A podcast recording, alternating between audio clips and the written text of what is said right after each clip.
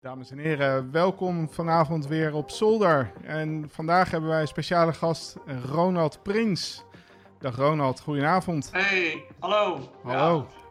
Hartstikke leuk. Eh, bedankt dat je, dat je mee wilde doen aan deze Zolder Session, nummer 21. Eh, remote. Je zit eh, daar in de haven, zie ik. Nou, dat is een beetje nep hoor. Oh. De zon schijnt ook niet meer vandaag, hè? Oh nee, nee dat is waar. Maar ik ken het plekje trouwens wel, want hij had een paar van die foto's gestuurd. En dit was er ook eentje van tevoren. Ja. En uh, want volgens mij, ja, voor jou daar rechts achter jou vanaf mij gezien. Daar uh, kijk je volgens mij richting uh, Catch en uh, Encore die Ja. daar zitten, die restaurants. Ja, Ja. precies. Alles zijn van Simonis. Van Simonis. Ja. Ja. Nou, leuk. Ja, een, eh, hele lekkere restaurantjes hoor. Ja, precies, ja. Dan kan je leuk lunchen. Ja, Maar mooi. Langs staan, als het Ja. mag. Ja, ja, precies. Hey, en ehm, ja, we, hadden, we hadden het net al eventjes kort over eh, dat het zo'n eh, een week van actualiteiten is.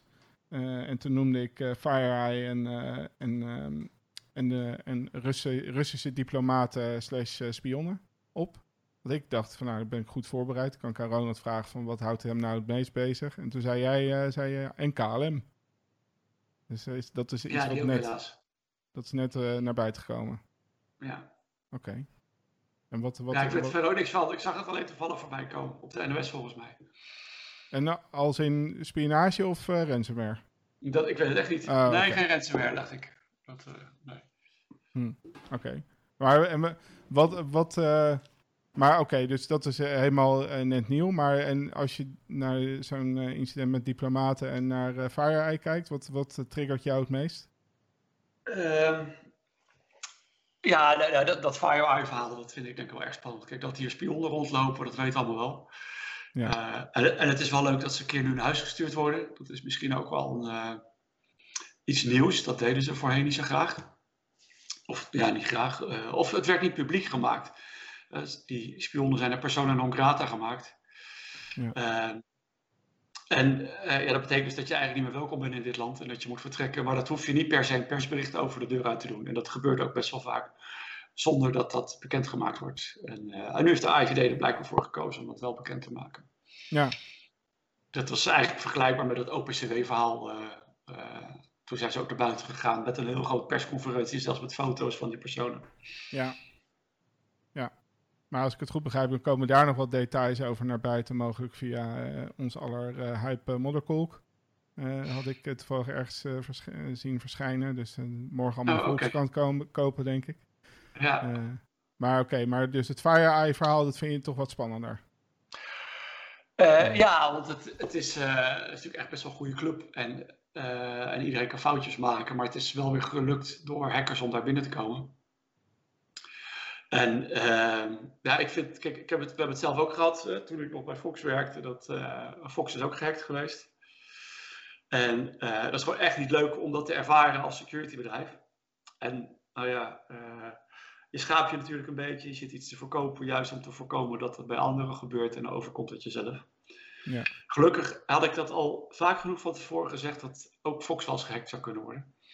En ik heb het hopelijk niet over ons af, afgeroepen toen, maar het is inderdaad wel gebeurd.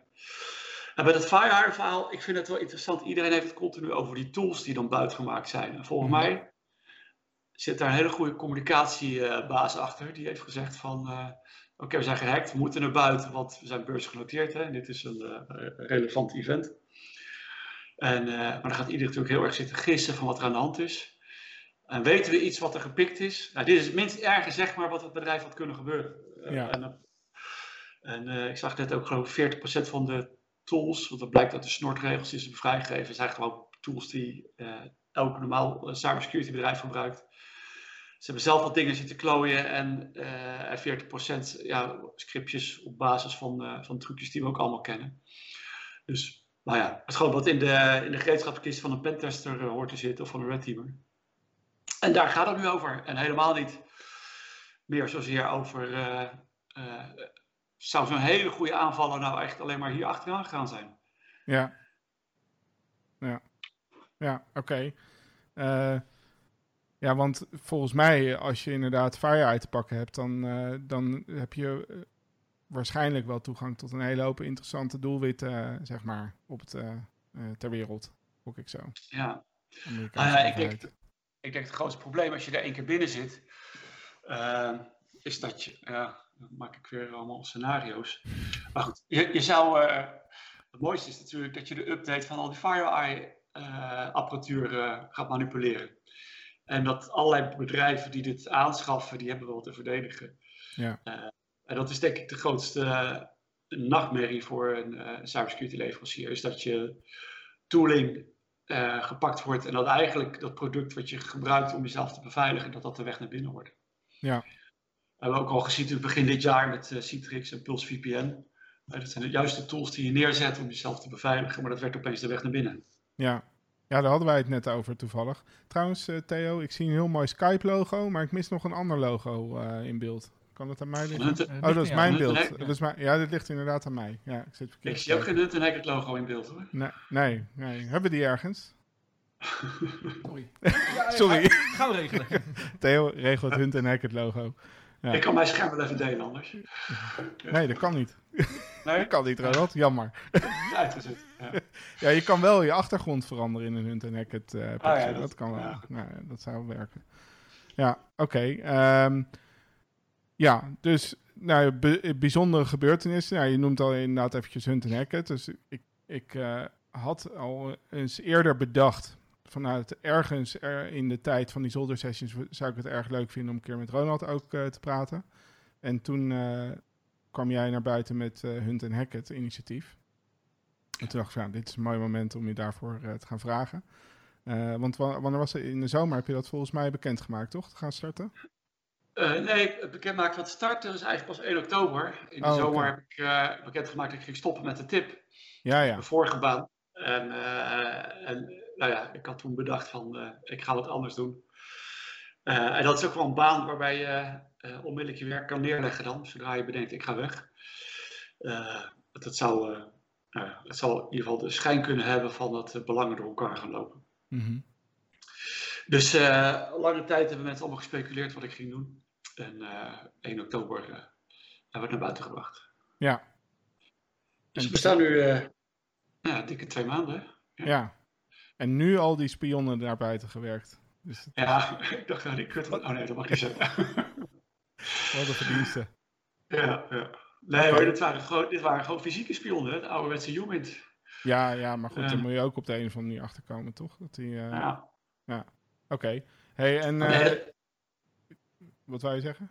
Ja, gewoon de hele dag voor zijn ambassade gaan staan. Dat, ja. dat geeft wel goed inzicht, denk ik. Ja, ja, precies.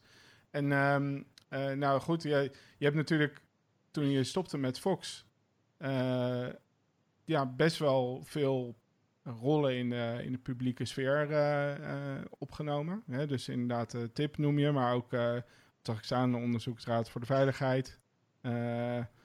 Weet je, nou ja, de, de kiesraad. kiesraad, inderdaad. En, maar daar zit je nog steeds bij, toch? Ja, de kiesraad nog wel. Ik zie niet dat dat conflicteert niet met, uh, met het hebben van zo'n bedrijf. Behalve dan dat de kiesraad ook wel weer security partijen inhuurt om dingen te laten doen. Maar daarbij is Hunt en Hackett dan altijd automatisch uitgesloten. Ja. Ja, en de onderzoeksraad, ja, die onderzoekt allerlei grote voorvallen en tegenwoordig ook digitale crisissen.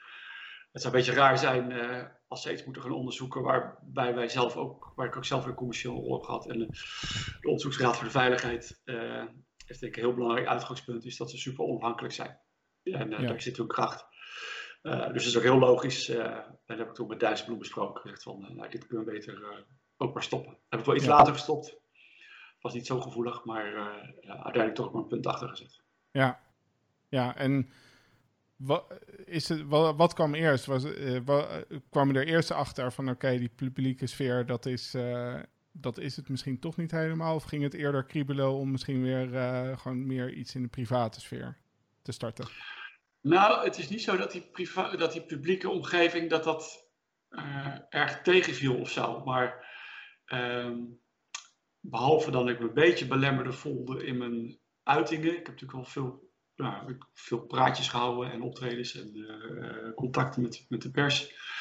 dat is heel lastig op het moment dat je onder een ander regime valt. Dan moet je opeens over communicatielijnen en zo gaan hebben. En, ja. Nou ja, en met voorlichters bellen voordat je journalist te woord kan staan. Ik ben twintig jaar onafhankelijk geweest. Dat, dat vond ik wel af en toe eens een beetje uh, beperkend. En ik heb, uh, maar ook wel logisch, zeker rondom spionage, dat ik toch gewoon helemaal niks zeg. Want als je die tip zit, dan uh, zie je dat de hele dag ook allemaal voorbij komen.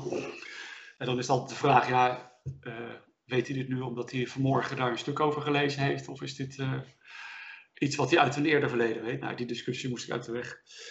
Maar het is, uh, er is een hoop te doen.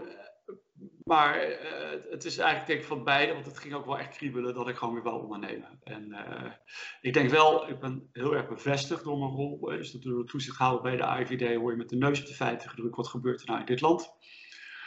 En, uh, Meer nog dan dat je al wist. Ja, het is, het is bevestigd, maar nou, ik denk ook wel dat het ernstiger is dan ik voor ogen had kunnen houden. En, ja voor ogen had. Dus uh, ik ben heel erg bevestigd van er moet gewoon heel veel gebeuren om uh, te zorgen dat, dat we onze bedrijfsleven vooral denk ik heel erg veilig houden. Ja, mooi bruggetje zeg. Dat is wat je met Hunt en Hackett dan gaat doen dus ook, toch? Hadden we allemaal geoefend hè. Ja. ja. nee, dat is precies ook wat ik ga doen. Ik denk dat ik daar ook zeg maar het meeste effect uit mijn energie kan halen die ik ergens in stop. Door gewoon in het bedrijf te zitten en, uh, te zorgen dat we de goede dingen doen. Ja. Ja, ja en dat richt zich dan uh, tot uh, nou, de, wat ik volgens mij eruit begrepen heb uit jullie pitch. Is met name toch ook echt de high-tech industrie, grote bedrijven, dacht ik, hè, in, in Nederland. Die dus ook echt voor economische spionage doelwitten zijn, logischerwijs. Ja. Um, en ja, volgens mij is ook wel duidelijk dat als wat er uit de IVD vandaan is gekomen, uit uh, publieke uh, informatie, dat met name ook dat soort uh, bedrijven target zijn van spionage. Het ligt op zich ook wel een beetje voor de hand, lijkt mij. Um, maar als je zegt van ja, het, het is meer of um, meer geworden misschien wel in die tijd dat je vanuit tip dat een beetje hebt kunnen waarnemen, is dat dan is het ook naar andere sectoren of is het Weet je wel, is het dieper, is het verdiept qua spionage of is het verbreed? Als je begrijpt wat ik bedoel. Ja, ja ik kan er eigenlijk niet veel over zeggen. Nee. En, uh, nee. Dus uh, het, is, het heeft vooral bevestigd wat, we, wat mijn angst al was, dat er gewoon heel veel spionage plaatsvindt uh, op economisch terrein. En ik heb nu wel ontdekt, ik moet zeggen, ik ben natuurlijk ik heb daar vaker voor aandacht gevraagd van wat, wat, er allemaal niet gebeurt op dit vlak. ook bij bedrijven. En ik moet eigenlijk zeggen, ik zie een groot verschil tussen vijf jaar geleden en nu. Vijf jaar geleden vonden ze het allemaal niet zo interessant en dachten nou, het valt wel mee. En, ja, je bent ja, eigenlijk je eigen salespraatje aan het houden, bij wijze van Ja, ook wel. En, en, het gebeurt ook nog eens dat je bij bedrijven binnenkomt en zegt, joh, we hebben dingen gezien. Eh, soms kan je gewoon dingen op het internet zien, waardoor je bij een klant kan zeggen, joh, dit gaat niet goed bij jullie. Dan zeg ik, nou ja, oké, okay, bedankt, we zullen het even opruimen. Ik zeg, ja, maar wil je niet weten wat ze dan hebben precies hebben weggehaald? Of wie erachter zaten? Ja. Nou, nee hoor, dus het is nu toch weg. Ik denk, nou ja, dat ene stukje wat we gezien hebben, dat is misschien nu weg. Maar een beetje een goede hackergroep, uh, die gaat naar binnen en die zorgt dat hij meerdere ingangen overhoudt, ook voor het geval dat hij ontdekt wordt. En, uh, uh, en ik merkte een soort naïviteit of heel bewust dat ze het gewoon niet wilden. Dat gaf ook vaak veel ellende als je ontdekte dat je spionage in je organisatie had. En, komen, in sommige industrieën komen opeens regulators voorbij. Uh, tegenwoordig heb je natuurlijk ook de AVG, dus als er persoonsgegevens weg zijn, uh, dan moet je dat ook melden. En het, en het is ook vaak, kijk, goede spionage doet niet per se rechtstreeks pijn bij de organisatie waar het van gestolen wordt. Hè. Dus er zijn heel veel uh, instellingen die bewaren allemaal informatie over ons, die misschien voor Russische of Chinese diensten interessant kan zijn. En als het gestolen wordt, ja, dat is niet per se lastig voor die organisatie. Uh, het is een beetje abstract, ik wil geen voorbeelden noemen. Maar, uh, dus daar zit ook helemaal geen pijn. En, uh, en, nu zit er pijn omdat ze dingen moeten melden. En, en, als je dan niet voorbij komt en niet heel diep gaat hunten in zo'n organisatie, ja, dan vind je ook niks en hoef je ook niks te melden. En alles werkt toch? Dus, ja. ja. Maar goed, dat is denk ik nu al gedraaid. Ik denk dat dat is ook een beetje korte termijn denken. En nu hebben veel organisaties wel door, nou ja, als die Chinezen gewoon elke keer als we ze tegenkomen weer proberen binnen te komen, zodat we hun echt wel waardevol zijn. Dus dat betekent automatisch dat het voor ons iets verliest. Laten we nou toch maar echt eens gaan kijken van, uh, of we er wat tegen kunnen doen. Ja, en betekent, betekent het ook dat, uh, dat die bewustwording, dat je inderdaad gelijk concreet uh, aan de slag kunt als Hunt en Hackett? Zijn, is, is de behoefte zo groot aan expertise dat je direct vol zit? Bij spreken met je agenda? Ja, we hebben het heel druk. Ja? Ja, en, ja serieus. En veel partijen die ons benaderen. Ook een aantal partijen die wij benaderen om eens een keer een gesprek te voeren. En de deur gaat altijd open. Ja. En ehm, ja, ik hoop niet dat alles gaat vallen, zeg maar, waar we nu aan het voorstellen hebben uitstaan. Oké. Okay. Nee, nee, een mooie achtergrond. Ja, toch? Ja. Ja, ja. ja mooie website, leuk. Ik vind het ook een coole naam. Hoe, waar komt die vandaan? Ja, uh, een beetje puzzelen en uh, met een groepje mensen gaan zitten. En eigenlijk hebben we ook nog iemand ingehuurd om met ons mee te helpen denken. Ja, ja. Om, uh, om het gewoon goed te doen en een leuke naam te bedenken. Zolder is ook heel gaaf trouwens. Hoor. Ja, nou, dankjewel. Ja. ja. Heel anders. Maar, ja, heel anders. Ja. Maar het zijn twee Engelse achternamen, maar het is natuurlijk ook verwijzingen naar het hunten. Hè. Hunt is denk ik ja. iets wat je echt moet doen om, om digitale spionage te vinden. En nou, dat verwijst naar de hackers natuurlijk. Ja. En heb je al genoeg mensen weten te nee. vinden om dit te doen? Nee, het is, ah, we willen ook gewoon groeien met de hoeveelheid klanten die we hebben. Het is op zich geen doel om super groot te worden of zo. Dat is nooit een doel. Dat is nooit een doel. En, uh, en, we hebben ons nu voorgenomen, van laten we het eens uh, uh, cappen op 50 mensen. We zitten ja. nu rond 12. We voeren met een aantal mensen alweer gesprekken. En ehm, ik denk, we hebben best wel een, interessant palet aan producten en diensten die we leveren. En als we dat heel goed willen doen, hebben we 30 man nodig. Maar we kunnen nu al echt wel serieuze diensten leveren. En allemaal Nederlandse, Nederlandse klanten? Uh, ja, ja, maar het zijn wel vaak organisaties die ook weer vestigingen hebben in, ja. in andere landen. En uh, het is een beetje lastig, want misschien moeten we soms ook wel eens die kant op. En worstel een beetje mee, want ja, zoals je merkt, uit ik me vrij makkelijk over wie in onze ogen de vijand zijn. Maar ook de klanten die we hebben, die huren ons juist in omdat ze in die locaties vestigingen hebben en het daar ook beschermd willen hebben. En nou ja, ik we moeten eens kijken hoe we daarmee mee omgaan. Gelukkig hoef je niet meer te vliegen per se. Mag je eigenlijk nauwelijks vliegen. En, ja. en kan, je, kan je heel veel remote doen. Dat is een goede, maar, goed excuus, ja. Maar heb je, ja, ja. Denk je, heb je wel eens ervaringen gehad dat je bij grenscontroles of iets dergelijks uh, extra gecontroleerd werd of uh, dat er moeilijk gedaan werd? Nee hoor, helemaal nee. niet. Maar ik heb ook wel uh, lastige landen vermeden. Ja, ja, precies. Dus China, Rusland zou ik niet zomaar heen gaan. Nee, nee, nee, dat snap ik. Oké, okay. nou, coole zaak. Ik, ik heb um, uh, de indruk dat het soort profielen wat jij uh, nodig hebt voor, voor dit bedrijf, dat is zo super schaars. dat je automatisch ook, volgens mij is dat, zijn er ook een paar Foxers naar je toegekomen, gelijk. Die dachten van, ja. yes, we gaan weer beginnen. Ex-Foxers, hè? Ex-Foxers. Ex-Foxers, ja, ja. ja. En... Um, Theo, hoor je dit? Ja. ja. Theo. Theo blijft gewoon zitten waar hij zit. Hij heeft, een mooie knoppen, knoppen ding daar. Ik heel blij zijn. Af en toe bier halen voor jou. Ja, ja precies.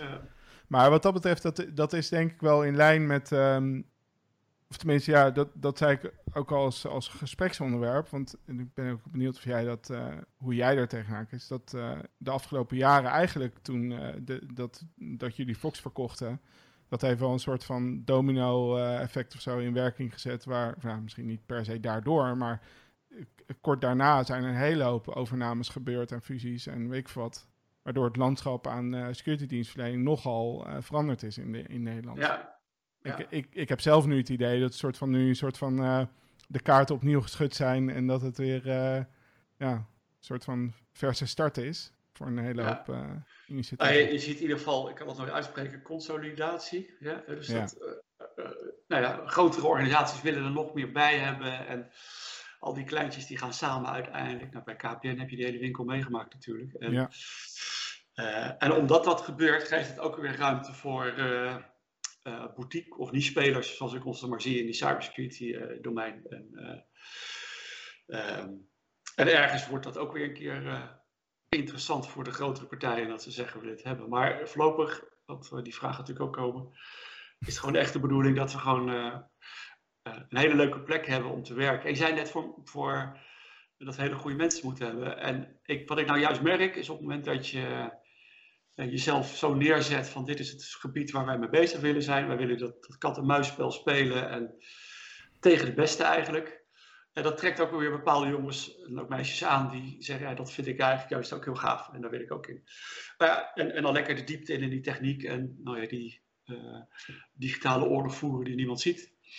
Uh, maar en andere mensen zie je, die vinden juist van, nou ja, die zeggen, ja, ik heb tien jaar lang, uh, heb ik overal ingebroken en of ik heb allemaal hackers weten te stoppen op tijd. heel erg technisch, maar die wereld ontwikkelt zo snel laat ik nou ruimte maken voor wat jongeren en dan ga ik meer een managementrol op en, in, en, uh, dan krijg je een heel natuurlijk verloop. En die vinden het dan juist weer prachtig in een wat meer corporate omgeving verder te gaan. En die bloeien daar heel goed.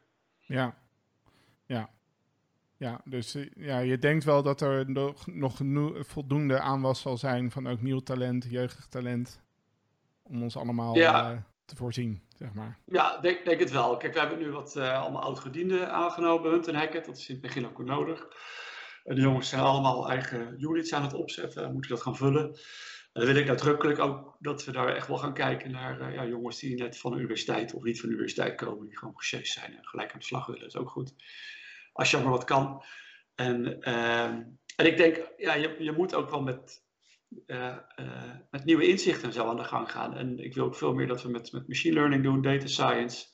Dus we moeten misschien wel meer mensen aantrekken van buiten mijn comfortabele domein, die ik nu al ken, maar uh, die uit een heel andere hoek komen.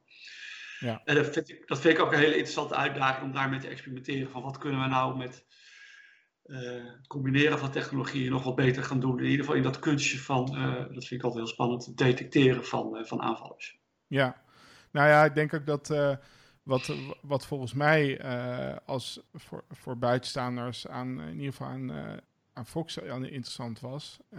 En ook spannend, dat was natuurlijk met name het incident response deel en, uh, en het red team. Ik had altijd, altijd de indruk dat um, dat het zal niet het grootste verdienmodel per se zijn geweest voor, voor het bedrijf. Althans, hetgeen waarvan, waar je zo groot mee bent geworden, per se.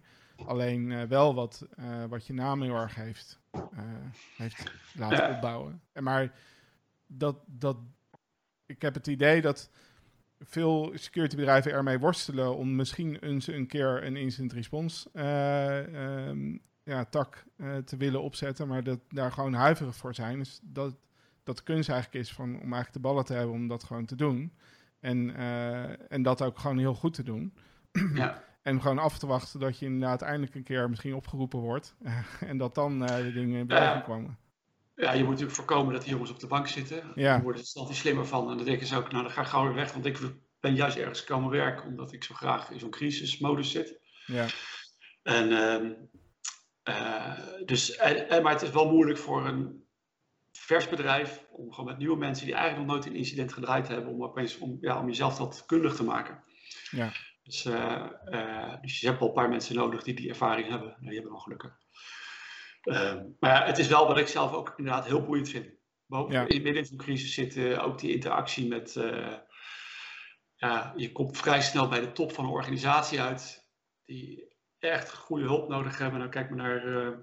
Hoe heet die gemeente in het oosten van het land? Hof van Twente. Ja. als je van buitenkant af kijkt, ik, ja, even los van alle techniek. iedereen die als een keer een crisis heeft meegemaakt, weet hoe je dat anders zou moeten aanvliegen. Ja. Maar je moet wel mensen hebben die dat al een paar keer gedaan hebben. En, maar dan, dan doe je vooral op communicatie ook uh, gewoon. Ja, communicatie ook, maar uh, ja, moet even weer voorzichtig zijn natuurlijk. maar, uh, wat, ik, wat, ik, wat ik nu op lijkt, als ik zo van buitenaf naar kijk, is dat daar de, het IT-bedrijf zelf aan de gang is gegaan om de servers die versleuteld waren te proberen te herstellen met de backups.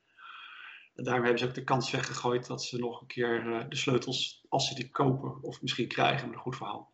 Dat kan ook. Hè. Soms kan je ze gewoon lospeuteren door heel zielig te doen. Ja. En um, uh, om het te herstellen. Dus ze zullen nu gewoon opnieuw moeten opbouwen. Ja, dat en ook, ja, nou ja, voor mij was op een gegeven moment ook Brenno erbij gehaald om te helpen. Om het, uh, het verhaal naar buiten goed te brengen. Oké, ja. En dat is toen vanaf dat moment helemaal goed gegaan? Nou, dat weet ik ook niet. Oké, oké. Goed. En, uh, maar dit, dit, is dan een ransomware-incident, hè? en die uh, komen heel veel voor. Is dat, ben je daar ook voor beschikbaar? Want dat ja. is niet... Ja, ja, ik denk voor, voor ja zeker. Uh, en ja, ik, ik vind ook niet dat we heel erg moeten afbakenen van, joh, je hebt helemaal geen Chinese spion met een jongetje op een zolderkamer. Ik denk gewoon als het voor die klant relevant is, dat er serieuze dingen gebeuren, KPN is natuurlijk ook gehackt door. Ja, zolderkamer is misschien een beetje een woord nu, of niet? Helemaal maar, niet. Ja, goed, maar. Uh, We hebben, dit is een ethische zolder. Ethische zolder. Oké. Okay. maar ook jongens op een zolderkamer, dat laten jullie zien, die kunnen heel goed een serieus bedrijf lamleggen. En, uh, en, en dan, daar zijn we er ook van. Uh, en die, die moeten we ook helpen dan.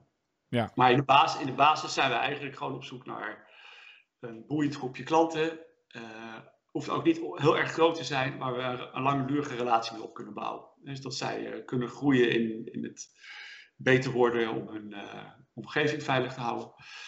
En, uh, en dat we ze in de breedte kunnen helpen. En dan is dat niet met firewallbeheer, want ik denk, nou ja, dat kunnen anderen denk ik weer veel beter. Maar juist wel echt om specifiek naar die dreiging te kijken. Wat komt er nou op jou af als jij in de farmacie zit?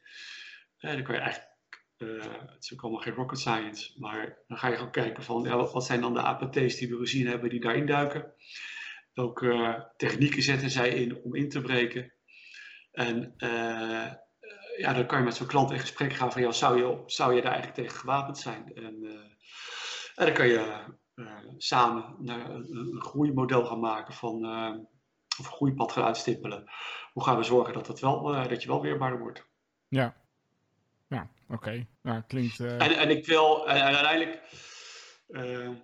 We, zeggen, we, we, we, leveren wel professional services, hè, maar we zijn nadrukkelijk geen consultancy of strategieclub. Maar ik denk dat onderweg kom je dat wel tegen en, en verlangen klanten dat wel. Uh, we willen uiteindelijk gewoon de handen leveren om het aantal zaken uit handen nemen door bijvoorbeeld de monitoring te verzorgen voor die klanten, door mee te kijken in hun netwerken. Ja, Oké, en, um, en dan ben je dus ook veel bezig met uh, online uh, gewoon speuren naar van hoe gedragen bepaalde dreigingsactoren zich en dat soort zaken. En ik hoorde je, of zag je ergens, een maandje terug zoiets, roepen over Telegram. Dat de politie misschien ook eens wat meer op Telegram zou kunnen gaan rondneuzen. Ik weet niet precies meer welke context dat was, maar dat viel me op. Is, is dat mijn indruk is dat, dat, dat er uh, met Telegram en met gewoon ja, online criminaliteit ook de laatste jaren ook wel een beetje een uh, verandering heeft plaatsgevonden. Dat gewoon een hele hoop van dat soort criminaliteit echt gewoon vanuit Nederland uh, plaatsvindt. Veel meer eigenlijk dan misschien mensen in hun, in hun hoofd hebben zitten. En altijd denken aan Oost-Europese criminelen in Rusland die onpakbaar zijn. En mijn indruk is dat het veel meer verschoven is eigenlijk naar ja, een soort van digitale straat, uh, straatrovertjes, straatboefjes. Ja, uh, maar ja, dat, dat, is dan meer zeg maar, de, de, de WhatsApp-fraude-achtige ja, ja, dat soort ja. Ellende. Ja. ja, en de vraag is natuurlijk, van, blijft het daartoe beperkt? Of gaan die op een gegeven moment ook gewoon ransomware kits uitvinden? En, en meer op die tour ook?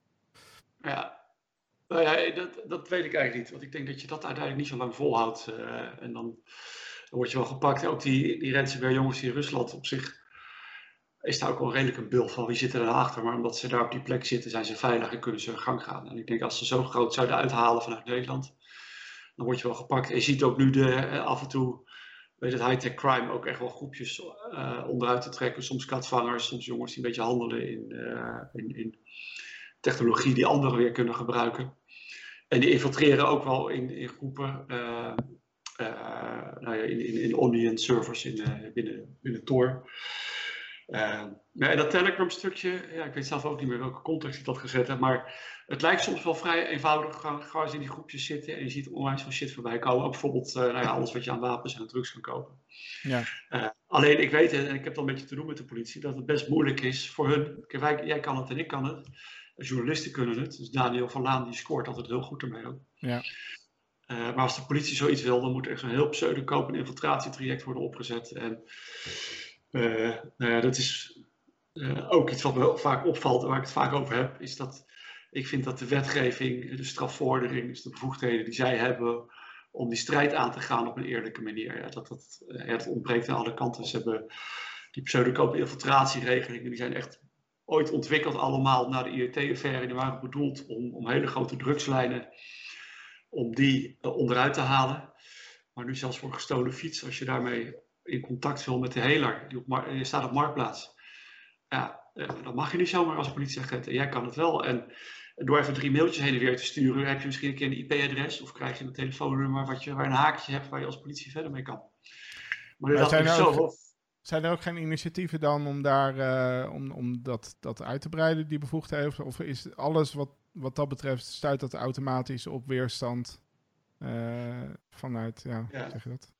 De, ja, de, de, Tweede Kamer in ieder geval. En, ja, je ziet dus dat uh, uh, Kamerleden vinden het heel eng. We hebben natuurlijk, heeft de politie nu sinds 2019 pas volgens mij, hè? maart of zo, mogen ze de hekbevoegdheid inzetten. Ja. dus uh, wet 3. Ja, dat is in 2009 al een keer geopperd, dat willen we gaan hebben. En het is in 20 20 pas gelukt, nee, 2019 is pas gelukt om dat te effectueren. En dan nog is het een, een draak van wetgeving geworden. Het is voor de politie ontzettend moeilijk gemaakt om die, om die hekbevoegdheid ook zinnig in te zetten.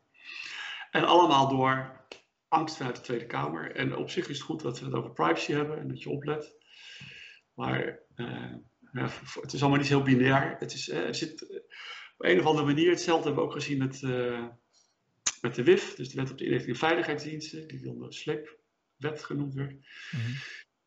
dat er enorme angsten zitten dat de politie en de inlichtingendiensten uh, ja, dat echt willen inzetten om hun, burgers grootschalig te gaan, gaan monitoren. En er wordt, er wordt dus een, uur lang in de Kamer gediscussieerd, echt een vraag serieus van de Kamerlid van, ja maar met deze wet kan de politie dus ook een uh, pacemaker hacken. Want er staat nergens in de wet dat er geen pacemakers gek mogen worden. Zou je dat niet willen opnemen, minister? Ja, en ja, zo kan je, terwijl we dat voor een huiszoeking, je kan ook zeggen, ja, de politie mag ook een huiszoeking doen in, uh, in een ziekenhuis, waar ook heel veel privacygevoelige gegevens liggen. Maar dan gaan we ook niet zeggen, ja, in een ziekenhuis, daar mag de politie nooit komen. En, Hm. en, uh, en er zitten ergens anders zitten er waarborgen in. Dus een rechter, dat is eigenlijk net hetzelfde als bij de tip. Er zijn mensen die moeten per keer kijken of een inzet van zijn bevoegdheid dan proportioneel of subsidiair is. En dat is de waarborg die moet dus gaan kijken of in die situatie je wel of niet zo'n pacemaker zou willen hacken. Kijk, en dat is, het, dat is een ridicule voorbeeld, maar stel dat een terrorist is die op een knopje kan drukken en daarmee een bom laat afgaan van dat ziekenhuis. Uh, en de politie kan uh, eigenlijk niet op die terrorist schieten, want dan raken ze misschien een ander slachtoffer, maar ze kunnen wel zijn pacemaker uitzetten. Dan kan ik me voorstellen dat de rechter zegt, nou, ik vind het proportioneel, uh, in plaats van een headshot, Ja. een hardshot. En, en dan moet de politie wel die, die pacemaker kunnen hacken. Dus je kan het van tevoren niet helemaal afkaderen wat er moet. En, en dat geeft uiteindelijk heel veel angsten bij mensen van, uh, ja, dus de politie kan nu opeens alles. Ja. Ja. En, en, en, daarom hebben we denk ik ook met die pseudokopen infiltratie ligt die lat zo hoog. Terwijl ik denk, ja, uh, als je met iedereen het gesprek voert rondom, uh, vind je het terecht dat de politie hem dan niet uh, onder alias op marktplaats zich zomaar mag begeven. Zeggen heel veel mensen, nee, natuurlijk, iedereen doet dat. En Ja. voor mij is dat, dat op internet, zijn die spelregels anders. Ja. Het is, uh, daar is het heel normaal dat je onder alias wat doet. Dus ik, als ik een pizza bestel, doe ik het ook niet onder mijn eigen naam. En, Nee. de- en- ja, dus dat moet gewoon kunnen. Nee, nee. Waarom wel? Ja, allemaal takeaway accounts in omloop daar zo. Dus ja, waarom zou je ook? Uh, nou ja, en ik weet zeker dat zo'n pizzaboer wordt een keer gehackt en dan zou opeens uh, mijn wachtwoord online staan. Ja, ja. Ja, ja. ja. Ah, mijn wachtwoorden staan al online, jullie weten alleen niet welke het zijn. Nee, ja, precies.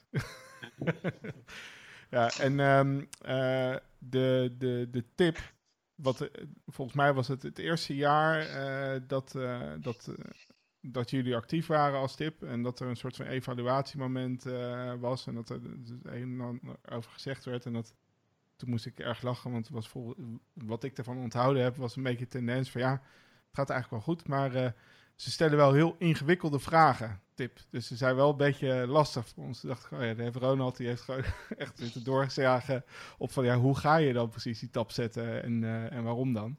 Dus eh, ik kan me voorstellen dat dat, eh, dat het ook wel, dat je dan in een sfeer hebt verkeerd waarbij je eigenlijk misschien iemand had willen spreken of die vier niveaus verderop zit van degene die je, waar je uiteindelijk mee spreekt. Om echt tot de kern te komen van oké, wat gaat er- wat, is, wat is precies het plan? Eh, Ja. Maar dat het gewoon veel te ingewikkeld is voor, eh, voor mensen die, eh, die echt die bevoegdheid moeten, moeten toetsen. Maar ja, het vervelende is, ja, Ja. Het, het moet natuurlijk op papier gezet worden allemaal. Want wat, en, en de, de tabs zijn op zich niet zo ingewikkeld. Het zit vooral in het hacken, denk ik. En ehm, ik zie dat de camera ook even op Theo gaat, want we kunnen zijn gezicht ook even zien. maar, eh, nou ja, het is, het is zo, eh, het is heel moeilijk, zeg maar. eh, ja, sowieso, er zitten twee dingen. Hacken is een heel interactief proces. Je weet van tevoren niet hoe je eh, van punt A bij punt B gaat komen. Je moet allerlei omwegen gaan. Je weet, je weet niet wat je onderweg gaat tegenkomen. En toch moet je van tevoren dat maar zien te beschrijven. Want je doet één keer een aanvraag voor een soort project en dan kan je dat gaan doen. Dus dat is een moeilijkheid, denk ik. Nou, ja, het sowieso, je moet het op papier beschrijven wat een beetje je plan is. En de Tweede Kamer heeft afgedrongen dat die tip heel erg in de gaten ging houden van wat zijn nou technische risico's. Hè? Dus eh, ja, dat voorbeeld van de ziekenhuizen en die pacemakers, dat, dat komt ook daar vandaan. Van, ja, het moet toch niet zo zijn, zeker omdat eh, eh, de diensten mogen nu ook derde hacken. Dat zo'n derde een ziekenhuis is om uiteindelijk bij een, een patiënt wat in het ziekenhuis ligt uit te kunnen komen. Dat het hele ziekenhuis uitvalt omdat de IVD even gaat hacken. En uh, dus een van de dingen wat wij meenamen in de, in de afweging is het technische risico van uh, als je zo'n hack plaatst. Ja, dan moet je echt wel snappen, wat, zijn ze nou, wat ben je nou aan het doen? Nou, gelukkig gaat, gaat één ding heel vaak samen, is dat die diensten ook gewoon niet willen dat ze onderkend worden. Uh, en daarmee geef ik denk ik niks weg. Als je een goede spion bent, probeer je echt ook niet gesnapt te worden. En de beste manier om te zorgen dat je niet gesnapt wordt, is heel voorzichtig naar binnen gaan. En vooral zorgen dat de dingen niet stuk gaan. De, het onderzoek bij Belgacom is eigenlijk pas begonnen omdat daar de mailservers omvielen, exchange servers. Mm-hmm. Omdat er toch een bugje zat in de software die achtergelaten was. Toen zijn we gaan zoeken en ontdekten we dus wat er, uh, wat er allemaal binnen speelde daar zo. Ja, en dat zal een dienst dus automatisch ook proberen te vermijden. Maar je moet het wel zien uit te leggen op papier dat je je binnen die, binnen die lijntjes houdt. Ja. Ja, en dat is ingewikkeld. En nou, nu, nu, dus nu ben jij daar vertrokken. Ik had eigenlijk op een gegeven moment gedacht van, nou, die Ronald die wordt op een gegeven moment minister van Cyber of minister van ICT of, nou, dat, dat dan misschien niet, maar digitaal ergens in die hoek. Maar dat, dat pad, daar ben je toch van afgestapt. Ja, je moet wel gevraagd worden, hè? Ja, ja, precies, ja. ja. ja was dat het?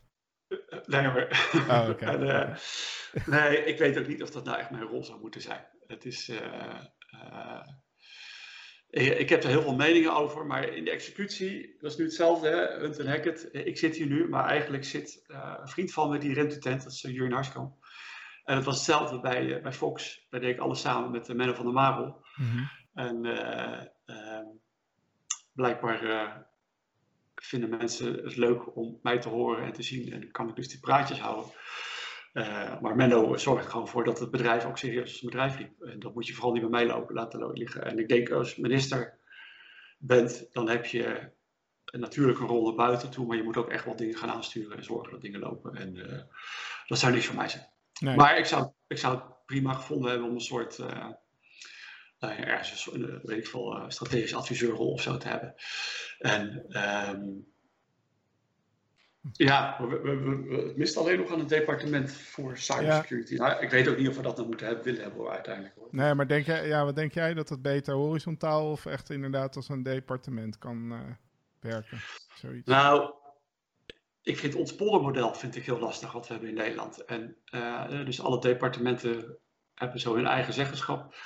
En ik ben altijd heel erg. Uh, nou ja, ik, ik, zit graag te kijken naar hoe de Engelsen dat georganiseerd hebben met een cabinet office, wat bij, hè, dus hun, wat bij dat heet dus hun algemene zaken is het.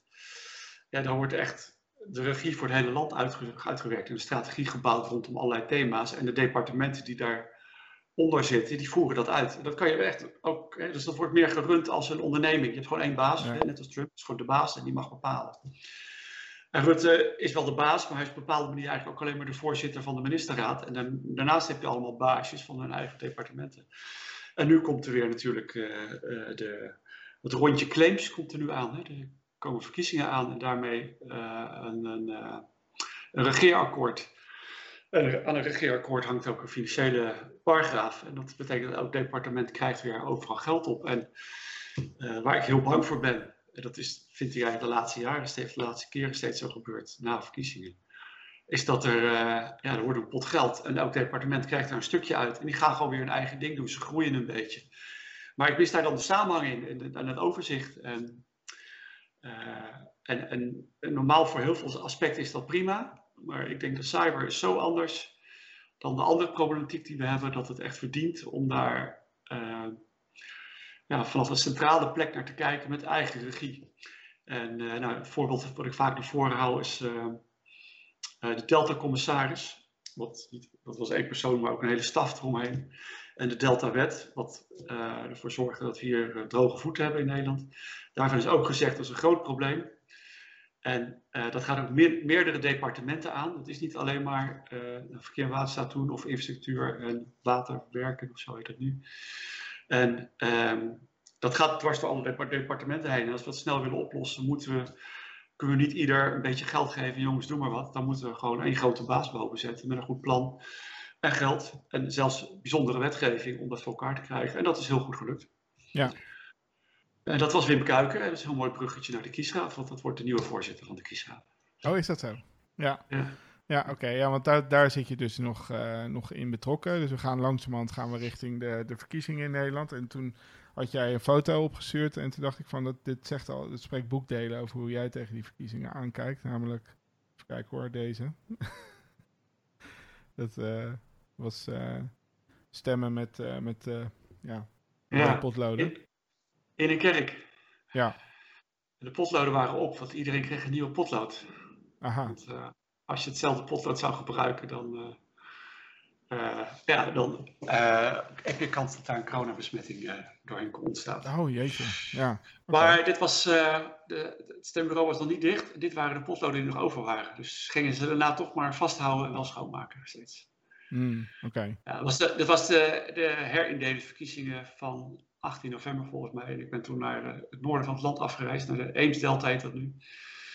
En ehm, eh, ja, er werden een aantal gemeenten samengevoegd. En de eerste verkiezingen waren dat in coronatijd. En ik vond het wel boeiend om te zien, eh, eh, ja, hoe werkt het dan eigenlijk? ja. En? Hoe werkt het? Nou, dat ging eigenlijk best soepel. En nou is het, hè, we komen natuurlijk in maart Tweede Kamerverkiezingen aan. En eh, nou ja, die, die, die, zijn voor het land en daarmee automatisch voor heel veel mensen zijn die belangrijker. Er is er ook een hogere opkomst, zullen er meer stembureaus zijn. En ehm, wordt de complexiteit groter. En in coronatijd is het best moeilijk om het te organiseren. Dus het was, er zijn meerdere kiesraadleden. En normaal vergaderen we eigenlijk eh, eens per maand. En lezen we stukken en daar vinden we wat van. En daarmee sturen we de, het bureau van de kiesraad. En, eh, en, zo worden dan de verkiezingen georganiseerd. Eh, maar het is denk ik ook heel goed om af en toe het land in te gaan. En gewoon er zelf, de dingen die wij bedenken.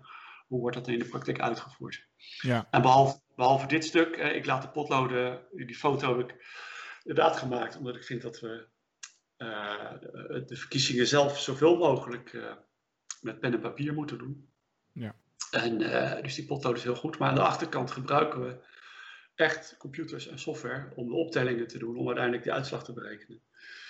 En in eerste instantie dacht ik ook wel onzin, laten we het gewoon met de hand tellen. Maar ik heb nu ook wel ontdekt van eh, een handmatig proces is ook niet zaligmakend. Dus we hebben nu in Nederland eigenlijk hebben we twee parallele processen waarbij heel veel met de hand gebeurt, wat gecontroleerd wordt door computers. En computers helpen eh, een stukje in het handwerk, maar de mensen controleren dat ook weer. ja. En dan hebben we denk ik het beste van twee werelden naast elkaar. Is dat dan vergelijkbaar met hoe het in Amerika eh, is eh, gebeurd? De laatste verkiezingen? Nou ja, ik hoop niet dat het net zo chaos hier gaat worden als daar. Nee. Ja, je, kan er nu ook nog de zaken van de briefstemmen erbij halen, wat we nu ook gaan hebben, waar we als kiesraad, eh moet goede woorden zoeken, waar, nou, we hebben Uh, de minister van Binnenlandse Zaken heeft besloten dat gaan we doen. En wij hebben gezegd, en geadviseerd ook van tevoren, doe, doe het op een andere manier. Uh, nu komen er straks uh, voor alle 70-jarigen, die krijgen een stembiljet thuis. Nou ja, goed, het moet nog allemaal door de Kamer, dus het kan ook nog anders. Maar dat is nu de insteek. Die krijgen allemaal een stembiljet thuis. 2,4 miljoen mensen zijn echt heel veel. En die mag je in een envelop doen op de post en die telt dan als stem. En, en op zich is het natuurlijk heel goed dat we in coronatijd uh, ik snap echt wel dat veel mensen zeggen, ja, ik ga gewoon de deur niet uit, ook niet voor verkiezingen. Maar een belangrijk aspect van verkiezingen, dat zijn die waarborgen. En een van de waarborgen is de toegankelijkheid. Het moet gewoon voor iedereen, moet de verkiezingen toegankelijk zijn. Dus die, je hebt ook echt wel een, uh, de taak, vind ik, om te organiseren dat iedereen kan stemmen. Dus de briefstemmen is daar een oplossing voor, maar we hebben meerdere oplossingen, bijvoorbeeld gewoon machtigingen. We gaan ook, vind ik, nu mag je ja altijd twee andere mensen een machtiging meenemen. Dus een jong persoon die zich gezond en fit voelt, die kan van zijn ouders uh, twee machtigingen meenemen. Nou, dat wordt dan zelfs verhoogd naar drie. Dus je mag van drie mensen een machtiging meenemen. En ik denk, ja, dat alternatief is eigenlijk volgens mij ook voor iedereen wel, bereik, wel bereikbaar. Dus waarom zou je sowieso willen briefstemmen? En, ja. uh, en ik denk dat uh, het belangrijkste wat we moeten bewaken is de vertrouwbaarheid van die verkiezingen. en dat is, is niet betrouwbaarheid, maar vertrouwbaarheid. Eh, we moeten natuurlijk zorgen als kiesraad dat die verkiezingen eerlijk en open en alles verlopen. Maar het moet niet zo zijn dat alleen ik ervan overtuigd ben dit, dat dit de echte uitslag is die eruit komt. Maar dat de burgers moeten dat ook mee kunnen beleven. En van overtuigd zijn dat het goed is. En ik denk dat tijden zijn nu anders dan vroeger. Jaren geleden vond iedereen het wel best. En als dan autoriteiten zeiden, allemaal uh, oude heren met het driedelige pak en een sigaar in de mond van, nou, we hebben er naar gekeken, het is goed dan was het ook goed, dan was er geen discussie. Maar nu zijn er tijden anders. Jij noemde Amerika. Nou, je ziet van, uh, ja, ja, wat mij betreft, met, met de grootste onzin worden daar uh, argumenten op tafel gebracht die echt nergens over gaan, totaal niet onderbouwd zijn. Ja. En de helft van de bevolking, of in ieder geval 40% van de bevolking, gelooft inderdaad daar nu dat de verkiezingen gemanipuleerd zijn. Nou, en dat is dus, daar is die vertrouwbaarheid niet zo goed gelukt. En ik denk dus dat we daar, uh, en we zijn natuurlijk nog ver weg van de situatie in Amerika, wat een veel meer gepolariserende samenleving is, echt met twee kampen tegenover elkaar. Uh, zo, zo zit het hier bij ons nog niet, maar ik denk wel dat uh, ja, we moeten echt ons best doen om te voorkomen dat we ook in dat soort situaties terecht gaan komen. Ja, ja en hoe heet hij ook alweer die, uh, die toezicht hield op die, uh, op die stemmen die er toen uitgegooid is in Amerika? Dat, door Trump. Die heeft... Die, is er één persoon uitgegooid die toezicht doet? Hij heeft heel veel personen uitgegooid. Ja, of toezicht. Of die, die, nee, er was zo'n website die, die um, um, uh, zeg maar, uh, onzin claims, zeg maar, besprak. En dat we, ja. was een CISA of zo, geloof ik. CISA Office, dacht ik. Ja, nou, ik zou die aan. Ja. Hm? Ik sla er niet op aan. Nee, ik sla er niet op aan. Ja, anyway. Maar goed, dat, ja, daar, dat is gewoon een zootje. En ja, ik mag hopen dat het inderdaad hier uh, niet gebeurt. Maar de, daar zorg jij dan voor. Nou, weet ik niet. Het is, uh, kijk, uiteindelijk de kiesraad heeft, vind ik ook wel een interessant aspect. Ehm, wij zijn nu, als je naar de wet, kieswet kijkt, daar staat de kiesraad in beschreven. We hebben twee, twee primaire taken. Eentje is dat we advies mogen geven, ongevraagd en gevraagd aan het kabinet of aan de Kamer. De tweede is dat we het Centraal Stembureau zijn.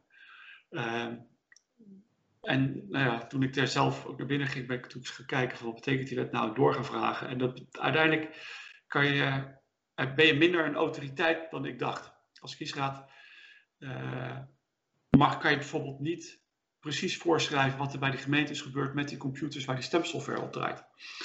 En, en wij hebben eigenlijk alleen maar het recht om de nou, zoals de, de, de, subtellingen die plaatsvinden in het land, die worden dan via hoofdstembureaus, dat zijn er 19, komen dan bij het Centraal Stembureau. Ja, onze enige rol is eigenlijk die, die eh, 19 stembureaus op te tellen en daar de uitslag van berekenen. En wat daaronder allemaal gebeurd is, uh, formeel gaan we er niet over. En, ja, en ik denk dat dat wel handig is als, we, als er wel één autoriteit is die erover gaat. Dus we zitten nu ook in een transitie om van kiesraad naar verkiezingsautoriteit te gaan. Waarbij we een groter mandaat hebben en dus ook eisen kunnen stellen aan hoe dingen plaatsvinden op gemeentehuizen. En nu doet het ministerie van Binnenlandse Zaken dat. En ja, ik vind het chiquer eigenlijk als een onafhankelijk orgaan uh, de regels afspreekt over de verkiezingen dan de mensen die nu in een kabinet zitten en daarmee ook een politieke ja, wenselijke uitkomst soms hebben. Ja. Ja. En je ziet het ook in die keuzes maken van nu. Uh, ja, er zijn altijd partijen die hebben een bepaalde achterban. En uh, je zou kunnen zeggen van, uh, nou ja, ehm, die toegankelijkheid in corona, ja, laat die mensen gewoon lekker welkomen stemmen. En je kunt allemaal mondkapje opdoen, niks aan de hand. Nou, daarmee sluit je dan misschien wel de ouderen uit. En een bepaalde partij zou dat prima kunnen vinden. En ik vind dat dat soort keuzes moet je niet daar maken, maar meer bij een onafhankelijke organisatie. Het vreemde is trouwens, want ik zei net van wij stellen dan uiteindelijk als kiesraad die Tweede Kamerverkiezingen vast. Uh, maar dat doen we eigenlijk niet. Wij rekenen het uit en geven dat door. Dat wordt ons proces verbaal aan de Tweede Kamer. En de zittende uh, uh, volksvertegenwoordiging, die kan eigenlijk zeggen: ja, oké, deze uitslag accepteren we of niet. Doe maar een herstemming of een hertelling, want wij denken dat het niet klopt. Ja, ja er zijn ook mensen die belang bij hebben van dat ze willen blijven zitten. Is dat ooit al eens gebeurd? Uh, serieus, met de met, laatste provinciale staat. Nee, herstemming weet ik eigenlijk niet. Hm. Nou, ik vermoed van niet, dan zou ik het wel geweten. Hertelling wel, dus met de laatste provinciale statenverkiezingen heeft, dat hebben wij ook aangegeven in ons proces verbaal, uh, is het wel terugverwezen naar een aantal gemeentes. Jullie gaan maar even opnieuw uh, optellen. Maar uh, wel dan door het vertegenwoordigd orgaan, dus door de politici. En, en, niet door ons, maar wel op ons aangegeven. En daar krijgen wij ook elke keer op onze vingers van allerlei internationale organisaties die meekijken die ook willen dat verkiezingen netjes plaatsvinden. En die zeggen, ja, wat, wat gek eigenlijk dat het zittend parlement zo'n zware stem heeft in de uitslag voor het nieuwe parlement. Ja. Uh, andere ja. landen is dat vaak anders geregeld. Ja. Het was uh, trouwens Christopher Krebs. Oh, oké. Okay. Nou, ik heb nee? dat gemist. Misschien als je eens een fotootje ziet, dat is dat wat zegt. Hij, hij deed cybersecurity voor onder Trump. Dat is wel een interessant verhaal, want hij heeft dus eigenlijk altijd volgehouden van, uh, ja, er is geen, we hebben helemaal geen uh, bewijs voor dat er iets gemanipuleerd is of iets dergelijks. Ja. Maar hij rapporteerde min of meer bijna direct aan Trump. en hij bleef dat volgen, bleef dat volhouden. Toen ineens was hij, moest hij vertrekken. je ziet daar natuurlijk ook een aantal mensen die nu al eigen voor geld kiezen. En die zien, ja, Trump, je gaat toch niet blijven zitten. Dus ik zet mezelf voor lul door achter te blijven staan. Dus laat ik me heel gauw wat anders vinden. Trouwens, bedankt uh, Erik Lohman voor uh, deze tip, want die kwam op de chat uh, voorbij dat het om crabs ging. Dus bedankt. Ah, die, is ook, die is ook aan het kijken, Erik. Ik zie, ik zie dus, dit is een stukje van 8 december. ja, nou, dus ja, deze wel, ja, maar nu gaat het erover dat inderdaad dus iemand heeft gezegd dat hij neergeschoten zou moeten worden. Dus, ja. dus dat is alweer oh. iets verder ge geëscaleerd wat dat betreft. Want ik weet niet, het was ja. denk ik ergens in november ja. dat dat gebeurd is gebeuren. Oh ja, maar dan is het wel Sisa. Ja. Ja. ja nee, omdat ik dacht dat het uh, iemand was die specifiek voor de verkiezingen uh, verantwoordelijk was. Nee, dat Weet niet. Alleen hij was dus wel heel erg uitgesproken uh, erover. Ja, we hebben geen reden. Dus hij was er inderdaad heel erg mee bezig om het vertrouwen, ja, wat jij ook zegt, in het systeem van de verkiezingen te laten bestaan. Ja. En niet te laten ondermijnen door onderbouw, on, onderbouwde claims over fraude. Ja daar was hij heel erg bewust uh, mee bezig. En uh, dat werd niet in dank ja. afgenomen, zeg maar. Niet door Trump, wel door, de rest van het land ongeveer, geloof ik. Maar goed, dat, ja. is weer een tweede. Oh, ik heb de, de chat ook maar eens even geopend. Oh ja. ik, ik, zie, ik zie Guido is hard bezig. En mensen hebben mijn wachtwoord al geraden, zie ik ook al. Ja. Ja, dat, ja. dat zijn die comments, hè, die beruchte comments. Nou, het is leuk. Oké. Okay. nou goed, en um, als we dan um, het over jouw uh, andere bezigheden hebben, dan zitten we dus uh, uit te kijken nu over een, uh, over een jachthaven. Mm -hmm. Want ik, ik, vraag me af of je dan nog voldoende tijd overhoudt met Hunt en Hackett voor, voor het zeilen, waar je zo fanatiek mee ja. gestart bent. Nou ja, gelu gelukkig, nou, dat is niet gelukkig eigenlijk, maar in deze corona... Oh, ik krijg een tip van, Theo. Wat gaat uit? Nee, de tv hier gaat uit, maar dat is niet verder cruciaal voor de, oh, voor de stream. Okay. voor onszelf uh, onhandig. Ja, oké. Okay. Maar uh, na vier uur uh, Gaat hij vanzelf uh, Ja, zoiets, ja. ja. ja, ja oké. Waar zaten we eigenlijk? Oh ja, nee, we, we zitten ook in coronatijd. Dus, dus er zijn ook helemaal geen zeilwedstrijden. Nee. Dus wat, betreft, wat dat betreft heb ik wel tijd over. Maar ik ben vanmiddag nog wel even het water op geweest. Ja? En vertrek Ja. je dan vanuit die haven daar? Ja, ja. Oké, cool. En dan en dan eh, sowieso de Noordzee op, toch? Eh, ja, het is een uh, zeehavenrit. Ja. Ja, ja precies, ja. Dus, uh, dus Ja. het is ook... Want de- deze foto's zijn voor, denk, van het Veersmeer, denk ik, of niet? Of Nee, nee, dit is IJsselmeer. Het was IJsselmeer, oké. een regatta bij, bij Medemblik voor de deur. Oh ja, mede. En de, ja. ja, en de, en de boot, die meest rechte boot, waarvan ik trouwens zie dat het grootzeil veel te veel uitstaat. Eh, op deze foto. Dat is, eh, dat is mijn boot. Mooi ding. Ja, en, het- ja, en zij, ja, dat is eigenlijk. eh, ik werk samen met een bedrijf dat allemaal mooie technologie maakt voor op zeilboten. Dat bedrijf heet Silmon. Dus de boot heet ook Silmon. Dat zie je hier niet in dit stuk, omdat het onder water zit nu. Ja, hier ook niet. Er zitten. Ja, daar staat een soort Napoleon of zo. hoor. Ja, dit ik- is wel een bijzondere foto. Je bent wel heel geconcentreerd ook daar. Goed bezig. Ja, Maar jonge ja, crew, of niet? Ja, sommige, ja, er zitten een paar studenten tussen. En dat vind ik superleuk. Al die Ja. jonge mensen aantrekken. Het is ook echt een wedstrijdboot. En eh, dat is weer mazzel. Dat vinden die jonkies ook wel leuk om... eh, iedereen wil beter worden. En, en ja, de meeste zeilers aan boord zijn eigenlijk ook beter dan ik. Dus ik ben vooral goed altijd in een team om heen verzamelen. Ja, ja. En, eh, en als laatste is een mooie wedstrijd, 100 mijls. Dus, eh, dus nou, tegen 200 kilometer. eh duurt een uurtje of eh 12, 11. En eh, het zijn we tweede geworden. En eh Gert-Jan Poortman, dus een beroemde Volvo Ocean Race zeiler, was het net voor ons op 14 seconden. Oh. Dus dan zit je op eh, 13 uur op zee en dan eh, 14 seconden. En we hebben een enorme fout gemaakt. We dachten dat we over de finishlijn waren, maar dat waren we niet. En eh, die finishlijn lag ook erg dicht op de kust. Er was ook een andere boot is op het strand geknald toen. Die eh, is, eh, moest door de reddingboot eh, eraf getrokken worden. Dus omdat het zo dichtbij was, hebben wij, dachten we even, die finishlijn aangetikt en toen weer terug. En toen kreeg ik later over de marifoon te horen van, je bent nog niet gefinished. Dus Ja. we moesten een heel rondje maken. Nou, dat heeft zomaar drie minuten gekost. Dus we hadden gewoon dik eerste kunnen zijn. Maar ik heb in de nacht daarna heb ik nog wel twintig momenten bedacht, bedacht waar we 14 seconden hadden kunnen winnen.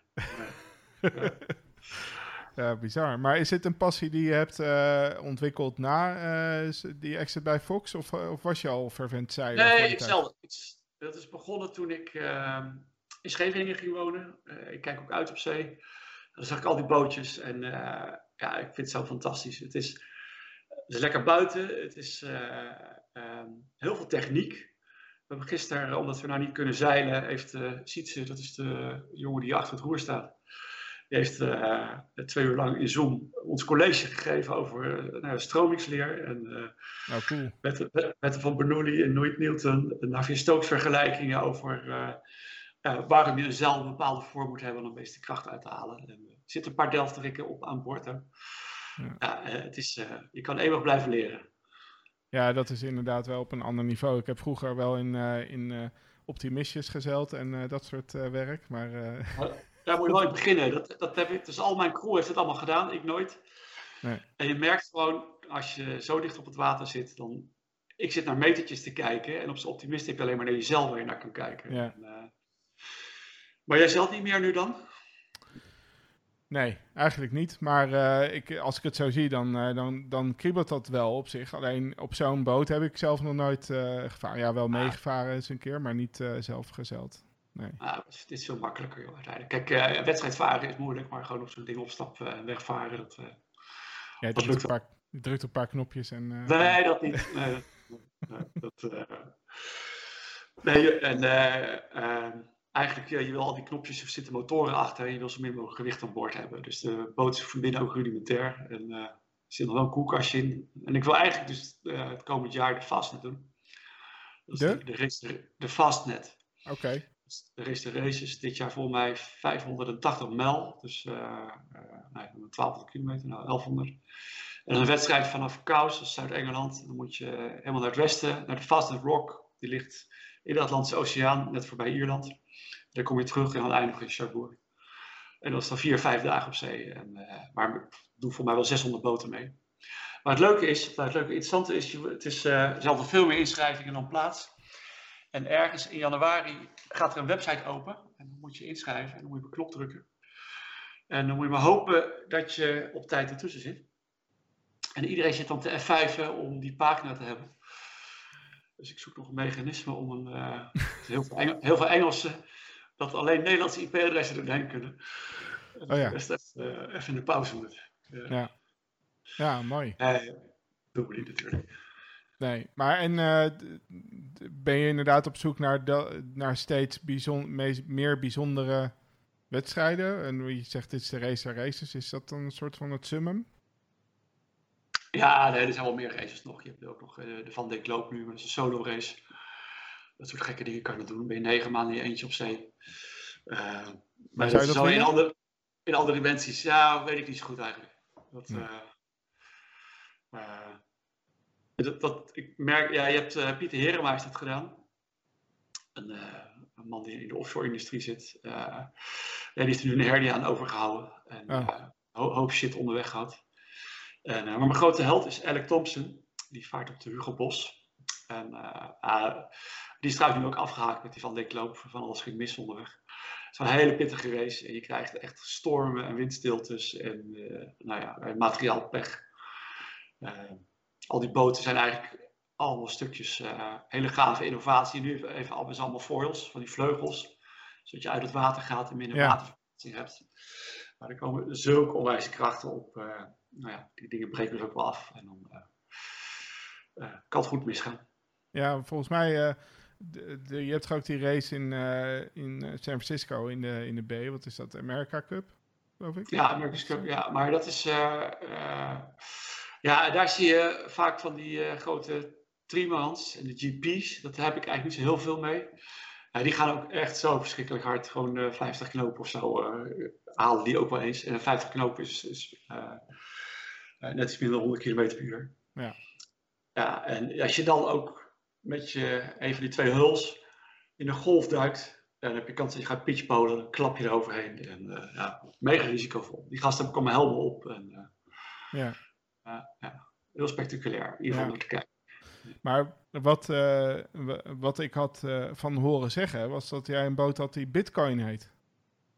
Is dat dan Nee. niet zo? Nee, ik heb wel van bitcoins gekocht, denk ik. Ja. Maar hij heet niet zo. Nee. Ah, Oké, ja. In de, in de Volksmond heet jouw boot Bitcoin hoor. oh, dat, wat eh, leuk. Oké, maar, Ja. ook, maar dat is op zich ook een interessant gegeven dat je van Bitcoin een eh, boot hebt eh, kunnen kopen. Of Ja, je was er vroeg bij dan daarmee. Ja, ja, ik heb ook wel heel veel fouten gemaakt, maar uiteindelijk sta ik dik in de plus. Ik heb ooit in, was het 2013, toen stond hij 9 euro of 9 dollar, dat weet ik niet meer. Toen heb ik voor 50.000 euro van die dingen gekocht. Nou ja, die zijn dus minstens duizend keer meer waard nu. Dus je kan snel uitrekenen wat dat waard zou zijn nu. Ja, En eh, nou, daar heb ik een paar van gehouden, maar ik heb het meeste heb ik toen eh, uitgegeven aan een apparaat om zelf bitcoins weer te minen. ja, Dus ja. heb ik bij Fox in de. Nou, dat ding kwam ook veel te laat. Eh was ik een beetje een scam, denk ik, uiteindelijk. Maar het was wel een leuk geldmachientje. Die maakte dan bitcoins voor 1500 euro per dag op zijn topdag. En eh, nou, ik weet eigenlijk niet eens of ik daar naar Kiet heb gespeeld. Maar de bitcoins die ik niet heb gebruikt om iets te kopen, die hebben veel meer geld opgeleverd dan het zelf minen uiteindelijk. Dat, eh, minen dat werkt eigenlijk alleen maar goed of op gehackte computers die niet van jezelf zijn. Ja. Of op plekken waar de stroom bijna niks kost, zoals in China. Ja, ja, precies. Ja, dus daar doen ze dat Ja. allemaal. Ja. Ja. Ik kan me nog heel goed herinneren dat jij ooit een keertje bij Fox eh, binnenkwam bij ons. En zei van, eh, bitcoin is nu 30 euro, moet je kopen. En toen heb ik niet geluisterd naar je. Dan heb ik nog wel eens Ja, gezegd ze- van, eh, ja, nee, ze zijn nu, eh, ik weet in dollars, eh, ergens rond de 18.000 dollar denk ik. Maar ik vind dat je ze nog steeds moet kopen, Theo. Je hoeft niet een hele te kopen, hè? Gewoon, nee precies. een tiende mag ook. Maar hoe meer mensen kopen, hoe beter natuurlijk uiteindelijk. eh dat Ja. lekker die koers. Dus iedereen die een holder is, hodler moet je zeggen, die zal altijd zeggen blijf kopen. En ik vind er waanzinnige plannen geschreven. Dus plan B is er. Een goede vriend van me altijd mee rondloopt, of plan B. Eh, ja, en daar zitten voorspellingen in. Hij heeft dus een soort model gemaakt in waarmee hij laat zien dat de historische koers van Bitcoin klopt ermee, maar in zijn toekomstig plaatje moet hij eh, had hij eigenlijk pas volgend jaar dit bedrag moeten halen. Uh, het jaar daarna wordt hij 100.000 dollar of zo. Dus daarop, Theo, koop hem maar gewoon. Dus, dus dat gewoon doorgaan. Moet ik toch een keer Er is toch zo'n gezin die heeft alles verkocht en dat in bitcoins omgezet. Ja, die lachen iedereen uit nu.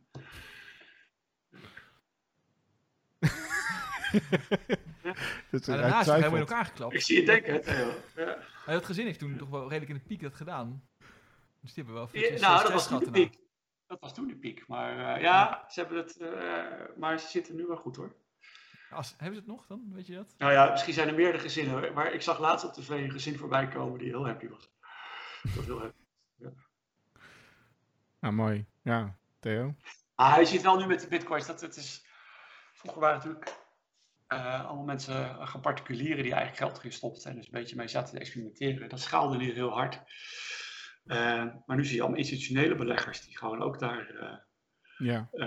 ja, en die schuiven gewoon 100 miljoen erin. Ja, dat tikt lekker aan. En als ze elkaar nou een beetje gek maken, ja, dan blijft het wel doorgaan. Ja. Maar gaat het ook iets vervangen nog verder, zeg maar? Echt ja, grondig? Ik, ik, ik, zou, ik weet het echt niet. Ik vind het op zich wel lastig dat het de koers zo afhangt van iets wat we allemaal niet kunnen verklaren. Eigenlijk kan ook niemand goed uitleggen nu. Waar nu weer die laatste sprong omhoog maakte. Sommigen zeggen ja, omdat PayPal er nu iets mee gaat doen. Dus, maar er is altijd wel een event in de wereld waarbij een bepaalde partij ergens mee begint. En soms keldert hij opeens en dan kan ook niemand zeggen van waarom dat, dat dan nu weer is. Ehm, en dat, omdat er dus niks onder ligt en daarom die koers redelijk volatiel is zonder dat we kunnen begrijpen waarom denk ik dat het vrij lastig wordt om daar uh, echt iets serieus ooit mee te gaan doen. Het is nu hartstikke handig om uh, geld te verhuizen van een land naar een ander land zonder dat het in beeld komt. En daarom zit er heel veel druk. Ik vind een beetje te veel druk op uh, vanuit de DNB op die bitcoin bedrijven. We hadden geloof ik 70 in Nederland. En nu zijn er een stuk of 30 die een aanvraag hebben lopen en 13 pas hebben goedkeuring of zo. En, en het zijn allemaal keurige bedrijven die niks geks, geks doen. Maar die moeten, en dat zijn ook ja, soms uh, één of twee, drie jongens bij elkaar die een prachtig leuk bedrijfje hebben, een exchange hebben. Dus waar je dus van fiat geld naar bitcoin kan en weer terug. Ja, en die worden opeens behandeld alsof ze een bank zijn en daarmee ook zo'n hele compliance afdeling moeten hebben met alle papieren en alles erbij. En, uh, dat komt vanuit Europa, uh, maar de DNB vult het wat strenger in volgens mij dan ik het andere landen om, om ons heen zie doen.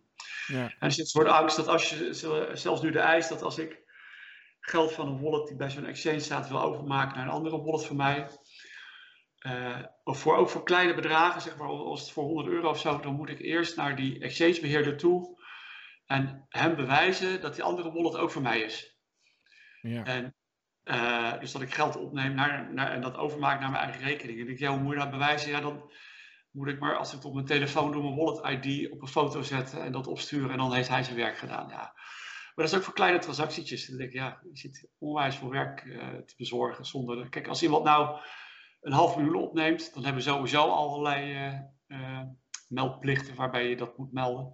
Dat vind ik helemaal terecht ook. En dat is heel goed. En dat is voor de witwas wel relevant. Maar ja, die kleine bedragen, ik snap het echt niet. Nee, nee. Nee, oké. Ja, goed, Theo. Ja, alles of niks, denk ik. Toch maar. Als je elke keer gezegd van ik geloof er niet in, dan is die stap om te zeggen, oké, vanaf nu geloof ik er wel in. en ik heb al die tijd eigenlijk gewoon geld weggegooid. Dat is best wel lastig, hè? Wordt steeds moeilijker. Ja. ja, maar als je het doet, het is natuurlijk waanzin dat een gezin, waarbij ik ook verantwoordelijkheid voor kinderen, dat je zegt, joh, ik, uh, ik verkoop gewoon mijn huis van de overwaarde, gaan we lekker bitcoins kopen en alles. En uh, we gaan wel even tijdelijk heel goedkoop wonen. Ja, je moet het echt doen, gewoon met geld wat je kan missen. Uh, waarvan je denkt, nou ja, want het kan ook gewoon echt morgen nul zijn, of toch blijkt opeens dat, uh, uh, dat de standaard Bitcoin software die we gebruiken, want die zit allemaal in dezelfde libraries te gebruiken, dat er toch een foutje in zit en dat er gewoon de waarde naar nul gaat, dus we alles kwijt zijn. je moet het dus alleen met geld doen, net als naar een casino gaat om een leuke avond te hebben. Moet het doen met geld waarvan je denkt, nou ja, rot dat het weg is, maar ja, ik, ik weet er niks minder om. En meer er in stoppen. Ja, nou, dat wordt het. Ja. Doen, doen, ik zou het doen, Theo. En, uh, maar maar over, over al die andere vormen van uh, cryptocurrency hoor je eigenlijk toch niet zoveel meer nu? Of uh, is dat, wat was het, Monero was, is ook gewoon ja, groot? Ethereum. Ja, ik ben ooit in Monero, dacht ik nou, dat zou wat groter kunnen worden dan Bitcoin, omdat het veel beter nog privacy borgt. Ja. Oh, bij mij, bij mij gaat ook mijn scherm uit. Knopje drukken. Zo. Hoppakee. En, um, um, maar ja, dat, dat valt uiteindelijk gewoon tegen. En uh, Ethereum en Ripple. Uh, ja, er zijn heel veel uh, leuke andere munten die ook allemaal andere toepassingen hebben. Uh, ik heb wel eens gedacht van, nou, misschien als de een omhoog gaat, gaat de ander omlaag. En kan je daar leuke algoritmetjes van bedenken. Maar in de praktijk blijkt van als het vertrouwen in de bitcoin zakt, dan, dan gaan bij alle munten gaat tegelijk omlaag. En als de bitcoin omhoog gaat, gaan alle munten tegelijk weer omhoog. Ja. Met natuurlijk altijd wel weer een paar uitzonderingen. Ja, ja. Oké. Okay. En um, uh, even kijken hoor. Ik had nog voorbij zien komen. Ik weet niet of jij daar toevallig ook wat meer over had gelezen. Is dan weer eventjes helemaal terug naar de cybers. Was bij, wat was het, bij de EMA was er ook een, een, een hack geweest. Of die hadden een probleem met ransomware misschien. Ik weet niet precies. Dus het ging eigenlijk over het test agency voor onze vaccins die eraan moeten ja. gaan zitten. Ja, zij moeten het zij moeten het valideren. Nou, dat was geen ransomware volgens mij. Het was heel erg gericht ook. En wat ze naar buiten hebben gebracht, is in ieder geval dat van een bepaalde ik denk Pfizer vaccin, dat daarvan de stukken gepikt zijn. Ja, En eh, ja, het is best wel een ding. En ik denk, in die hele COVID-wereld zie je nu dat er onwijs veel gehackt wordt. En eh eh, er ook een stuk van onze klanten die eh, ja, in, de, in de hele keten rondom, rondom de zorg zit nu heel veel angst voor, vanwege ransomware. Want het mag gewoon niet plat gaan. Er zit angst in dat in laboratoria, ook al er, zijn geen privacygevoelige gegevens vaak liggen daar. En hebben ze al voor gezorgd dat er alleen maar pseudo-identiteiten zijn. Maar je wil zeker weten dat de uitslagen die eruit komen, dat die integriteit, dat dat klopt. Dus je, wil gewoon echt voorkomen dat de hackers binnenkomen. En daarnaast zie je dan juist heel erg in die commerciële hoek waar nou uitvindingen gedaan worden, dus vaccins gemaakt worden, dat daar eh, landen hebben mee zitten kijken van eh, hoe, gaat, hoe goed gaat het daar en eh, zouden wij die vaccins ook kunnen inzetten hier. ja, ja. En dat gebeurt hier in Nederland dus ook als we volgens mij, nou ja, de, de spionage die richt zich ook tot universiteiten. Dus volgens mij eh, hebben die ook veel last. Hè? Dus het, het gaat vaak over de private eh, sector, maar dat ook bij universiteiten gewoon eh, de, de, ja, de informatie die daar ehm, eh, is vanuit onderzoek en dergelijke ook wel. Ja, eigenlijk, eigenlijk hebben universiteiten dezelfde geheimen. Hè? Dus Ja. eh, je ziet ook dat, nou ja, er is wat discussie over Huawei in eh, met de UvA of de VU, dat weet ik niet meer, maar die hebben daar een soort research facility gesponsord. Ze leggen dus geld neer en er mogen een aantal PhD's aan de gang. Ja, je kan natuurlijk omheen lopen. En eh, je kan kennis opdoen en je leert mensen kennen die misschien een keer wat eh, eh, meer informatie voor je weg willen halen. Dat is ook een goede universiteit, een goede plek om te recruteren. Hè, mensen die daar aan het studeren zijn en op een gegeven moment voor een bepaald ander land gaan werken, maar daarna, nadat ze bij de universiteit klaar zijn, een interessante positie krijgen, wel in een bedrijfsomgeving. Ja, dan heb je toch een ingang om informatie weg te halen. Eh, ik zat laatst te kijken, ik zit nu ook veel in de, in de voedselwereld, de agriculture. Dus Nederland is erg goed in, Ja. eh, in zowel in kassen bouwen, waar we autonome kassen maken die met ook geleerd zijn. Dus ja, waar die zonlicht is, waar we alleen maar lampen hangen. Ja, we zijn ook goed in marijuana, dat klopt. Maar ook gewoon nette eh, kassen waar niks illegaals gebeurt. En dat, dat, dat, dat werkt met eh, AI allemaal. Er zitten algoritmes in die precies weten op welk moment ze moeten sproeien, en hoe ze met het klimaat moeten omgaan, wat de temperatuur moet zijn, hoe het licht moet staan. Allemaal kennis van tuinders die er jarenlang mee bezig geweest zijn. Het zit in de computers te stoppen. En dus nou ja, dat, dat is een stuk van de voedsel. En de andere is het, de zaadveredelaars. Daar hebben we ook een aantal van in Nederland. Die heel goede zaadjes maken. En er komen nieuwe uit. En dat vinden andere landen ook mega interessant. En vooral China. Je ziet ook die... China heeft eh 20% van de wereldbevolking te voeden. En 9% van hun grond is maar te gebruiken voor landbouw. En China Negen? wil... tot- eh, 9, ja. En, en dat wordt elk jaar minder. Er gaat elk jaar 6% eh, weer vanaf van dat stuk wat ze hebben.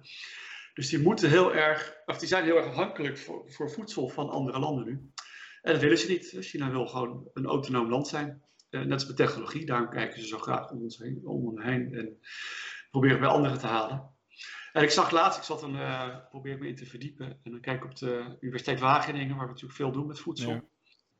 Er wordt dan een challenge georganiseerd, uh, de Greenhouse Autonomous, Autonomous Greenhouse Challenge. Dat was in 2019. En er zit daar een bedrijf achter, Tencent. Oh. En ik weet niet of je Tencent kent, maar dat ja. is de club, de club achter WeChat. Uh, uh, een gigantisch technologiebedrijf ook in, in China. En die sponsoren dat en die leggen er geld voor neer om dat te organiseren. En die ja, nodigen al start met geld waarschijnlijk ook.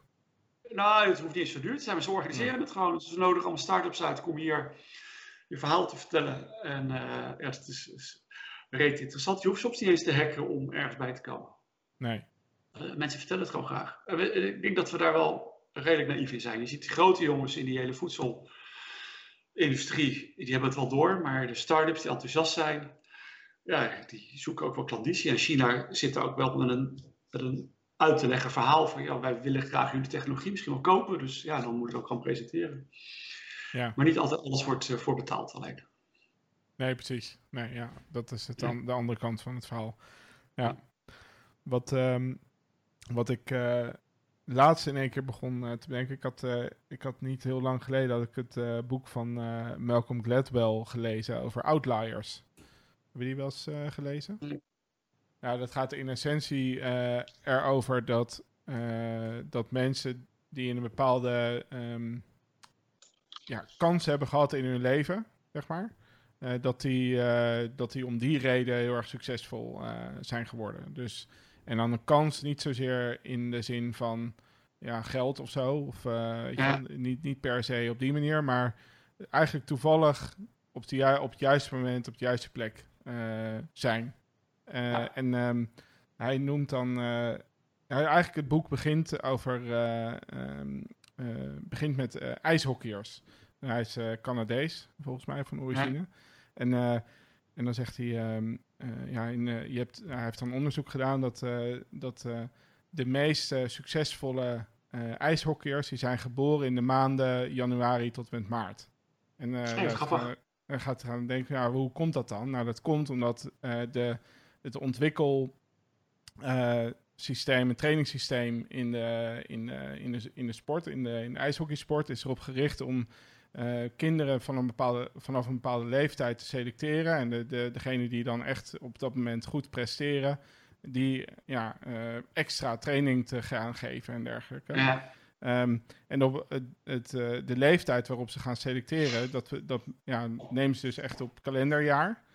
Dus ja, het is op jonge leeftijd, leeftijd van acht ja. of zo. En ja, de kinderen die in januari, februari, maart geboren zijn, die zijn dus gewoon uh, ja, negen maanden groter, sterker dan degene die in december geboren zijn en dezelfde ja, leeftijd hebben. En dus, dus hij, slaat, hij slaat het heel erg plat. dus dat en dat dat, hè, dat wil niet zeggen dat je in die maanden geboren bent, dat je dus beter bent. Uiteindelijk uh, trekt dat met die leeftijd wel weer recht. Alleen zij worden er op dat moment uitgelegd en gaan, gaan een extra training krijgen en faciliteiten en dergelijke. En worden daarom heel erg goed. Ja, nou, goed, lang verhaal kort. En dan gaat het, dan, dan, uh, gaat het daarna gaat het over uh, ja, de Bill Gates uh, en, en dus Bill, ja, Bill Gates en hoe heet hij ook alweer, die die andere CEO van Microsoft, Steve Ballmer. Ja. Die allemaal een beetje in hetzelfde tijdsbestek zijn geboren. En, maar vooral ook in het tijdsbestek dat ze twintig waren of iets dergelijks. Ja, afstudeerden en toen ja, dicht in de buurt van grote uh, bedrijven wonen die, die de beschikking hadden over ja, nieuwe mainframes, grote computersystemen en daarmee ja. aan de slag konden. Uh, en uh, dat, dat vond ik wel heel erg interessant. Van dat, dat je een soort van ja, mensen hebben die precies in, in zo'n tijdperk een bepaalde leeftijd hadden. Uh, en daardoor heel erg goed zijn geworden in dat specifieke vak. En, en daar dus heel succesvol van geworden. En, en toen dacht ik, volgens mij is dat bij cybersecurity ook een beetje het geval. En toen had ik, dacht ik van, ik ga, ik ga dit eens even toetsen, deze, deze hypothese. bij cybersecurity klopt het niet. Dat ligt gewoon echt gewoon aan hoe goed ik ben. nee. Ook, ook, zeker, nee, zeker. Ik, ik, heb mijn ik heb mijn vader heel vaak bedankt dat, uh, ik ben natuurlijk al wat ouder dan veel mensen in de cybersecurity wereld. dat ik toen de VIC-20 heette dat nog, en de Commodore 64, hij die dingen allemaal voor mij kocht. Hij snapte er zelf geen donder van. En hij kwam er een keer mee aanzetten. Ik had er ook niet eens om gevraagd of zo. Hij zegt, nou, misschien vind je het wel leuk. En het voelt voor mij echt dat ik de kans heb gehad om met, in een heel vroeg stadium al met computers aan de gang te gaan. En ik merk, uh, en dat, ja, je kon eigenlijk geen donder met die dingen. Er was ook geen internet. En, uh, en als je een spelletje wou spelen, dan was dat uh, Luna Lander. wat je in Basic moest programmeren. En dan moest je uit een boekje overtypen. En dan weet ik met die VIC-20 had je dat ingetypt ja, die had eigenlijk alleen maar gewoon een RAM. En, uh, en dat werkte dan, als je hem uitzet, was je spelletje ook weer weg. En dan kon je weer opnieuw ja. een hele verhaal typen. Dus toen kreeg ik later een cassette recordertje waar je dat op kon zetten. Wat een uur lang duurde voordat je één spelletje er uh, af kon halen. Maar um, ja, en, en die spelletjes waren niet heel spannend. Dus je ging, uiteindelijk ga je dan ook veel meer op onderzoek uit. Wat kan ik nou met dat ding? En ik heb nu zonen van, uh, nou zeg maar ook van die leeftijd allemaal gehad. En ik heb ze ook helemaal volgedouwd met allemaal leuke dingen. Alleen wat ze gaan doen is iets downloaden, een beetje chatten met vrienden. En, ja. uh, en zitten te gamen. En, uh, uh, en, en, mijn oudste, die, ja, als hij nu iets nodig heeft, gaat hij aan vrienden vragen. Van, joh, ik, ik wil, hij wil op Twitch wil streamen. Hij is professional gamer. Hij is echt super goed. Maar, wat, wat speelt hij? Overwatch. Oké. Okay. Nou, dus heeft een contract. En als er geen corona was, had hij daar in een prachtige villa nu gezeten. En uh, een beter startsalaris dan ik ooit had, uh, had uh, gekregen. Maar, ehm, wat wil ik nou zeggen? Nou ja, maar eigenlijk van binnen wat die computer nou doet, het zal helemaal rotzorg zijn. Helemaal niet relevant. En dus, dus ja, op zich, ik onderbrak je ook een beetje. Maar die timing is heel essentieel geweest. Dat ik in die tijd ben ja. opgegroeid. En de binnenkant van de computer snapte. En ik wou ook een beetje geld verdienen. Um, dus ik ging spelletjes kraken en dan had je zo'n power cartridge. Dan moest je echt in assembler moest je gaan klooien met spelletjes. Om de licenties eruit te slopen en dat je kopietjes kon maken. Uh, ja, je werd eigenlijk bijna, als je iets serieus wou doen, je werd gedwongen om te hacken. Uh, anders kon je Ja. met die computers. Dat is een beetje mijn, uh, mijn beeld. Ja. En ik merk heel veel mensen ook uit die hectic tijd, waar ik er niet tussen zat, maar wel een beetje tegenaan hing af en toe, dan, die hebben eigenlijk allemaal hetzelfde beeld. Van heel vroeg begonnen met een computer waar je eigenlijk geen donder mee kon, dus dan ga je maar zelf heel creatief ja, uh, proberen de dingen eruit te halen die eigenlijk niet de bedoeling was om ermee te doen.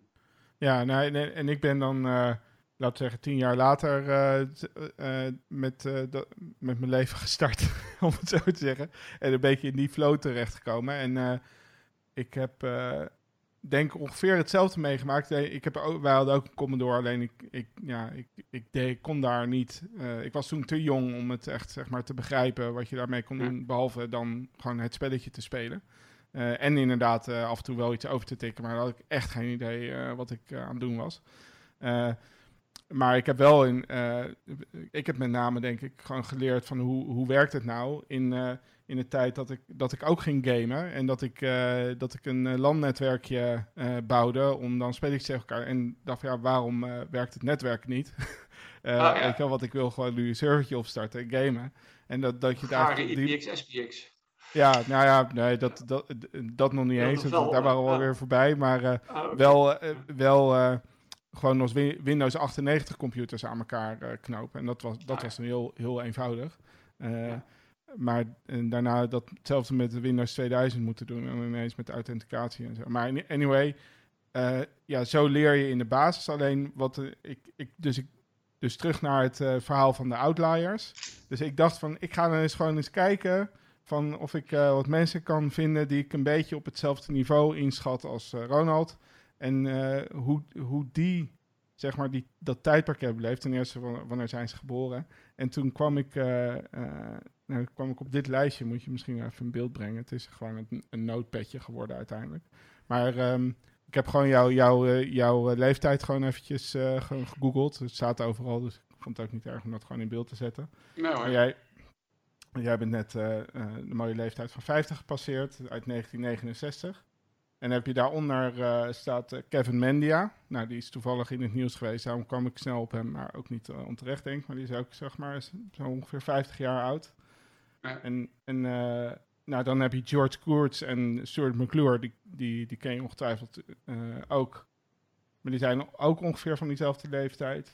Nou, dan heb je Nearzoek en, en CanXi, die zitten meer aan de firewall kant. Die zijn dus ook iets ouder. Die zijn, nou, dat is trouwens niet helemaal waar. Nearzoek uh, niet. Maar die zijn meer die firewall kant uitgegaan. Ja. Eugene is echt oud. En, uh, en Miko zit weer een beetje in hetzelfde sfeer. Maar vooral die Foundzone gasten, die uh, hebben denk ik een beetje een vergelijkbare soort van opstap gehad in de richting van zeg maar de, het millennium. Want jij startte met Foxzone in 1999, geloof ik. Zij met Foundzone in 2000. Ik heb, ik heb echt de indruk dat, dat nou oké, okay, toen hadden jullie dus al een soort van een, een, een, carrière. Dus je had al gewoon een, een, een, een, een professioneel bestaan en, uh, en iets opgebouwd in cybersecurity. En toen startte je en toen ging het ook echt los vanaf dat moment met, uh, met uh, ICT en, en internet en, en alle cyber dingen die dat teweeg bracht.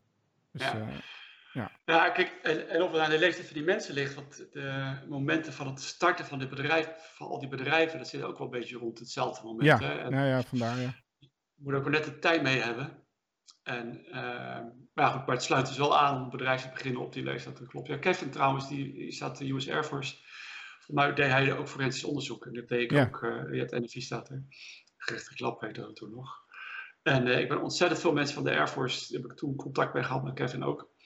En uh, die, deden, ja, die liepen ook voor in de, dat vond ik heel fascinerend. Ik vroeg ook waarom is dit eigenlijk, nou cyber heet dat niet, maar de, de security mensen uh, komen altijd bij de Air Force vandaan. En ja, misschien werd het altijd uitgelegd door die Air Force. Dus zeiden, nou, daar zitten gewoon de slimste mensen. Want het, dat, land, dat land maakt, hè, je moet een beetje kunnen schieten en door het zand hollen en zo. En, uh, en, uh, en, en de marine, dat is ook je hebt maar één of twee mensen nodig om zijn boot te varen. Maar met de luchtmacht, je moest echt wel een, ja, het liefst eigenlijk een universitaire opleiding gedaan hebben om serieus piloot te zijn. Op zo'n, ja, het is één grote computer waar je in zit. Ja. En dus, dus bij de luchtmacht zaten ook wat vaker wat hoger opgeleide mensen die ook na een tijdje wel weer dachten van, nou ja, het is leuk geweest, ik heb mijn land gediend. En die zijn daarna gaan ondernemen. Ja, maar goed. Het, uh, dus Veel, het, en, uh, nou ja, uit Israël ook allemaal mensen die uh, bij Defensie hebben gezeten natuurlijk. Ja. ja. ook. Ja. Mikkel Ja. weet ik eigenlijk niet wat hij ooit gedaan heeft. nou, die is, eh, dat, dat, die is gewoon eh, heel snel gewoon in antivirus eh, terechtgekomen, volgens mij. Ja, en heeft daar gewoon, eh, dat staat er ook, hij is dus eigenlijk, eh, waar jij nog eh, hè, de NFI-carrière hebt eh, gehad, is hij eigenlijk al in 1991 bij F-Secure eh, gestart en daar nooit meer weggegaan. Ja. Dus eh, Ja. interessant. Ja. Wel, uh, ja, ik vind het uh, een mooie wall of fame. Dankjewel. Ja, Illustre rijtje zo. Ja, ik, ik had me eigenlijk niet gerealiseerd, eerlijk gezegd, dat eh, Kevin Mania ook bij Foundstone eh, vandaan kwam. Dat is toch op zich ook wel een, eh, een aardig clubje geweest, wat daar eh, Ja. Ja. qua oorsprong. Ja, Hij heeft ook Mooi. meerdere bedrijven gedaan, hè? Ja wat? Ja, Mandiant. Na, Fa- na Foundstone dan volgens mij eh Mandiant. eh. Ja, en nu is dan de baas van FireEye natuurlijk. ja, Ja, en ehm, nou ja, het is, kijk, eh, de geschiedenis herhaalt zich, zeg maar. Ik ben ook maar weer gewoon opnieuw begonnen met een bedrijf. Ja. Ja, maar mooi figuur, die, ik heb een paar keer een etentje met hem gehad. We hebben ook wel eens aan elkaar geproefd van of er wat innige samenwerking moest komen. En dat was eh, een paar jaar voor de overname. Ja. En, eh, uiteindelijk vond ik het zelf toen te vroeg om eh, zo'n stap te zetten. ja, maar het heeft je wel aan denken heel- gezet. Ja, want uh, ja, natuurlijk, als je, zeker als je zo'n jong een bedrijf begint, dan denk je nooit, nou, ik ga dit doen om een keer een exit te doen. Nee. En je gaat gewoon uh, uh, doen wat je leuk vindt en een lekker bedrijf opbouwen. En eigenlijk vind ik dat heerlijk. In diezelfde setting zit ik nu weer met Hunt Hackett uh, zitten we te bouwen. Ja. En dat is zo relaxed in zo'n omgeving waar je geen HR-afdeling hebt. En uh, ja, dat, aan de ene kant relaxed, aan de andere kant betekent ook wel dat je. Uh, nou ja, we zijn afgelopen donderdag verhuisd en vrijdag kwam ik daar en ik wou thee. Dus dat ik uiteindelijk zelf naar de Action ben gegaan om een uh, waterkokertje te kopen. Action nog wel. Maar, ja, nou ja, goed, uh, die had het dus niet. Dus toen ben ik bij de, bij de kringloop terechtgekomen die ernaast zit. en die hadden een koffiezetapparaatje staan. En ik denk, ja. en ik denk, dan zullen ze ook wel een waterkokertje hebben. Die hadden ze niet. Maar hun kassaatje, daar, daarachter zat hun eigen pantry. Daar stond een waterkoker. Dus daar heb ik een tientje opgeboden. En toen kreeg ik die mee. Ja. Dus uh, ik denk dat dat ding gewoon vijf jaar nu blijft staan. Ja, ja die kan, mag ook nooit Nou, meer weg niet meer. Ik heb op een knopje gedrukt, wacht even. Oh, echt? Zo, ik heb een beetje droge mond. Ja, precies. Gewoon babbelen. Ja, Hagenees. ik zie jou met bier drinken de hele tijd. Ja, eentje, twee dan. Maar, steeds naast die... Nou, wat jij zegt dat, hè, van eh, geen HR-afdeling. eh, want hoe, hoe groot was Fox ook alweer toen je, toen je het verkocht? 350 mensen, denk ik. Dus dat, dat was eh, de, het, het toppunt qua het Ja. denk ik toch? Ja. Ondertussen zijn ze wel veel verder gegroeid volgens mij hoor. Ja? Is het nu eh, veel groter nog? Nou, Ja. ik heb 400 gehoord. Misschien is het ook weer 450, ik weet het niet. Ah, Oké, oké. Ja, eh Deerbytes was toen eh, ja, net 100 man, zeg maar, toen we, toen we het verkochten. En ehm, ik, heb, we, ik nam het destijds over eh, van Meesof toen, van, van David. Toen, toen was het 30 man of zo. En eh, nou, toen begon het eigenlijk net pas met eh, serieus bedrijf zijn, zeg maar. Weet je, voor die Ja. tijd was het inderdaad, gewoon- ja, kon je ieder, alles individueel met mensen oplossen eh, en weet ik wat. En daarna kreeg je ineens, eh, ja, toch echt wel... Ja, nou ja, de, de, nog niet eens, want daar gingen we dan langzamerhand naartoe. Eh, maar ja, het kreeg al wel, je, ja, je kreeg wel met dingen te maken die je gewoon meer structureel moest regelen. En voor iedereen gelijk en dat soort zaken. Dus dat maakt het wel ingewikkeld. Maar ik zit me ook wel af en toe af te vragen. Eigenlijk zou ik die kant niet per se eh, zelf meer op willen. Alhoewel, ja, weet je, je, dat soort dingen kun je altijd van tevoren zeggen. Maar je weet, je weet nooit precies wat voor kansen er op het eh, pad komen en waar je dan instapt. klopt. Ehm, maar eh, ik denk ook dat, er, dat, dat, het, dat, het, dat je nu een tegenwoordig een hele hoop meer impact kan maken met veel minder mensen. Ja. Dat, daar ben ik ook wel van overtuigd in dit vak. Dus Nou ik denk, ik denk ook, kijk, wij, wij zoeken natuurlijk nu een, eh, nou, een kleinere niche en proberen daar binnen aan de gang te gaan. Dus dan heb je ook niet zoveel mensen nodig. Maar ik denk dat ook echt veranderd is, is dat je niet meer heel veel ehm, zelf hoeft te ontwikkelen. Er is echt Ja. gewoon heel veel goede tooling op de markt. Waar je allicht nog wat om, een, een sausje omheen moet maken af en toe. En ze hebben ook allemaal wel API's. Eh, maar bij Fox hadden we echt ontzettend veel ontwikkelaars. Dat is ook een van de redenen waarom we eigenlijk nooit eh, aan het einde van het jaar geld overbleef. Omdat al het geld dat we verdienden ging weer in de groei van de ontwikkelaars. Maar ja, als je in 99 begon met, ehm, we hadden vrij snel toen, heette dat Dutch Tone, later Orange, als een van de eerste klanten voor monitoring. Was eh, Kevin McPeak zat daar, ook een held trouwens. En ehm, ja, er was eigenlijk niks, dus je moest alles gaan bouwen. Dus je kan eh, in het hart een beetje snort hebben, maar als je dat echt zakelijk wil gebruiken, moet je er zoveel omheen eh, moest je ontwikkelen. Dus daarmee is het ook begonnen. En eh, was het eigenlijk ook heel logisch om eh, ja, veel te ontwikkelen en, en, en zelf met technologie aan de gang te gaan. Dat is ook erg leuk en dan geef je alle flexibiliteit. Ehm, maar eigenlijk hadden we, als ik dat nu opnieuw zou moeten doen, zou ik dat denk ik of anders aanpakken. Of dan toch eerder stoppen met zelf ontwikkelen. Of dan ook echt de keuze maken van dat je een technologiebedrijf bent. Ja. Eh, en dat je dus ook technologie verkoopt en niet zozeer al die services eromheen.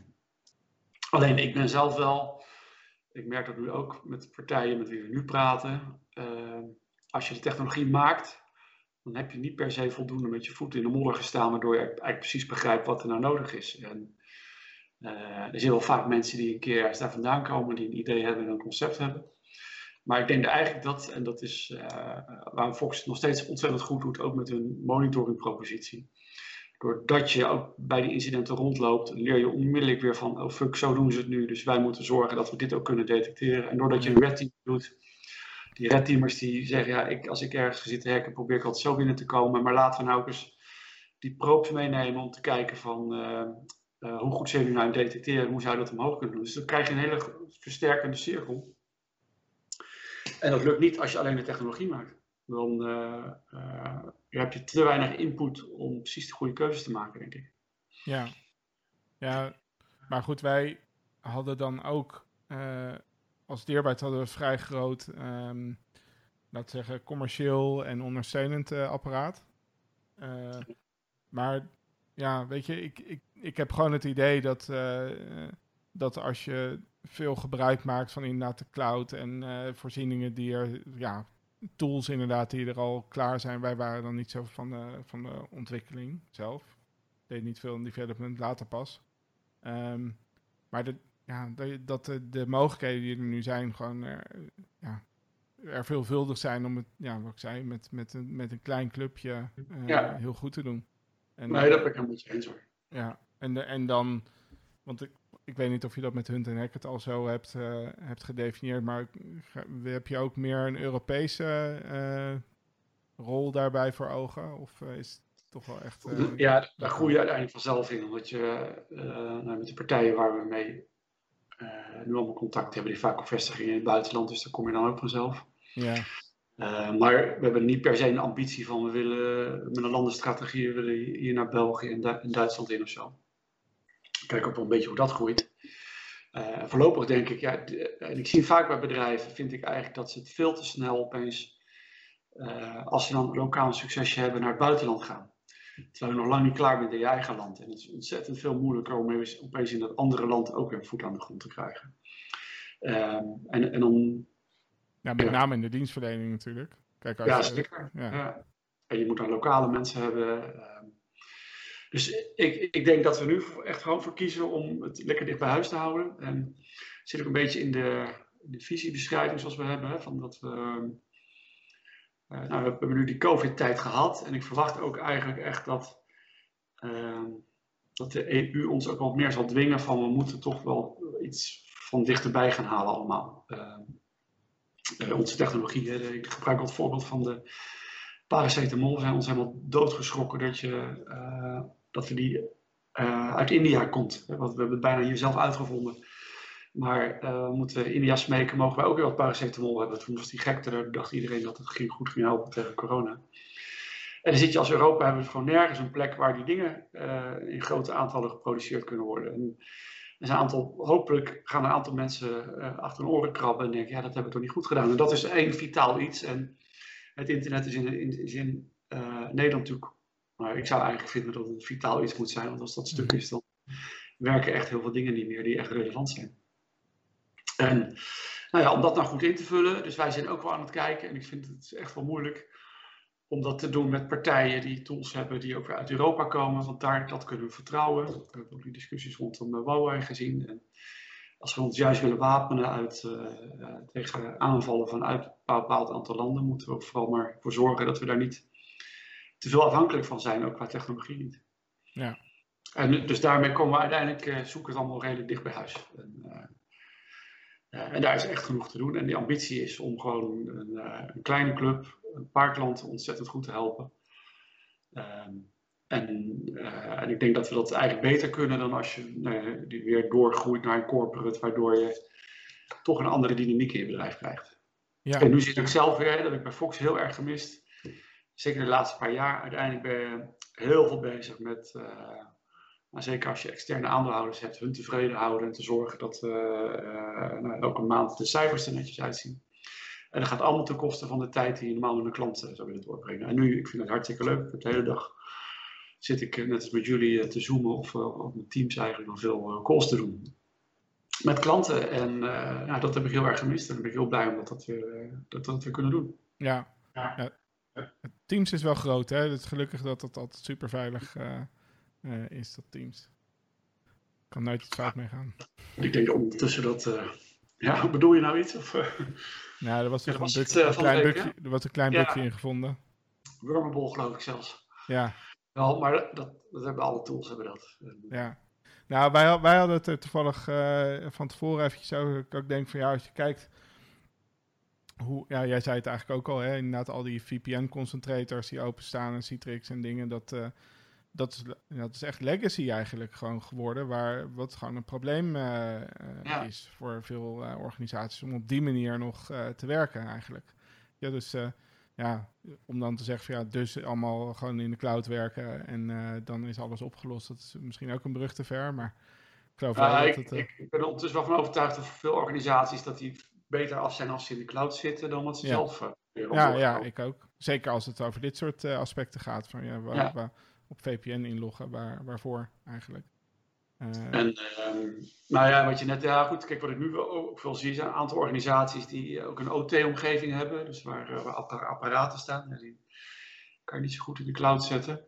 En normaal liepen er mannetjes rond om dat te beheren, maar ook dankzij corona moeten die nu ook thuiswerken. En dat waren soms dingen die gewoon offline waren. En er wordt nu opeens een uh, VPN-doos voor gezet. ja. Je ziet dus het, het moeten thuiswerken dwingt ook wel weer, uh, het veroorzaakt daarmee echt wel kwetsbaarheden. Ja, maar heb jij ook niet een tijd meegemaakt uh, bij, vanuit Fox? Ik, ik weet dat ik dat zelf zeker wel had bij Deerwits, dat, dat de cloud eigenlijk een soort van, ja, dat was gevaarlijk. Dat moest je echt voor ja. uitkijken, weet je wel. Dat predikten we dan ook zo ongeveer, van ja. vooral lokaal.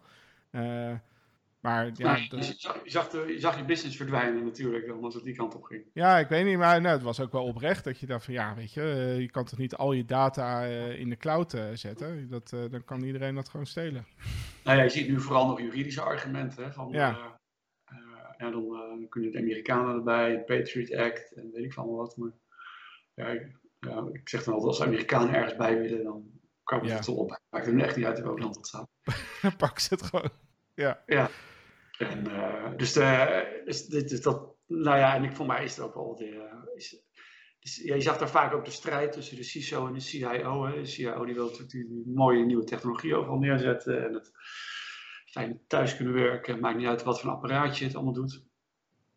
En, uh, en de CISO vond het doodeng, want dat gaf een stukje controle weg. Maar ik moet zeggen, zowel Google met de G Suite als Microsoft hebben in ieder geval die Office-omgeving, even los van de Azure en de AWS en zo.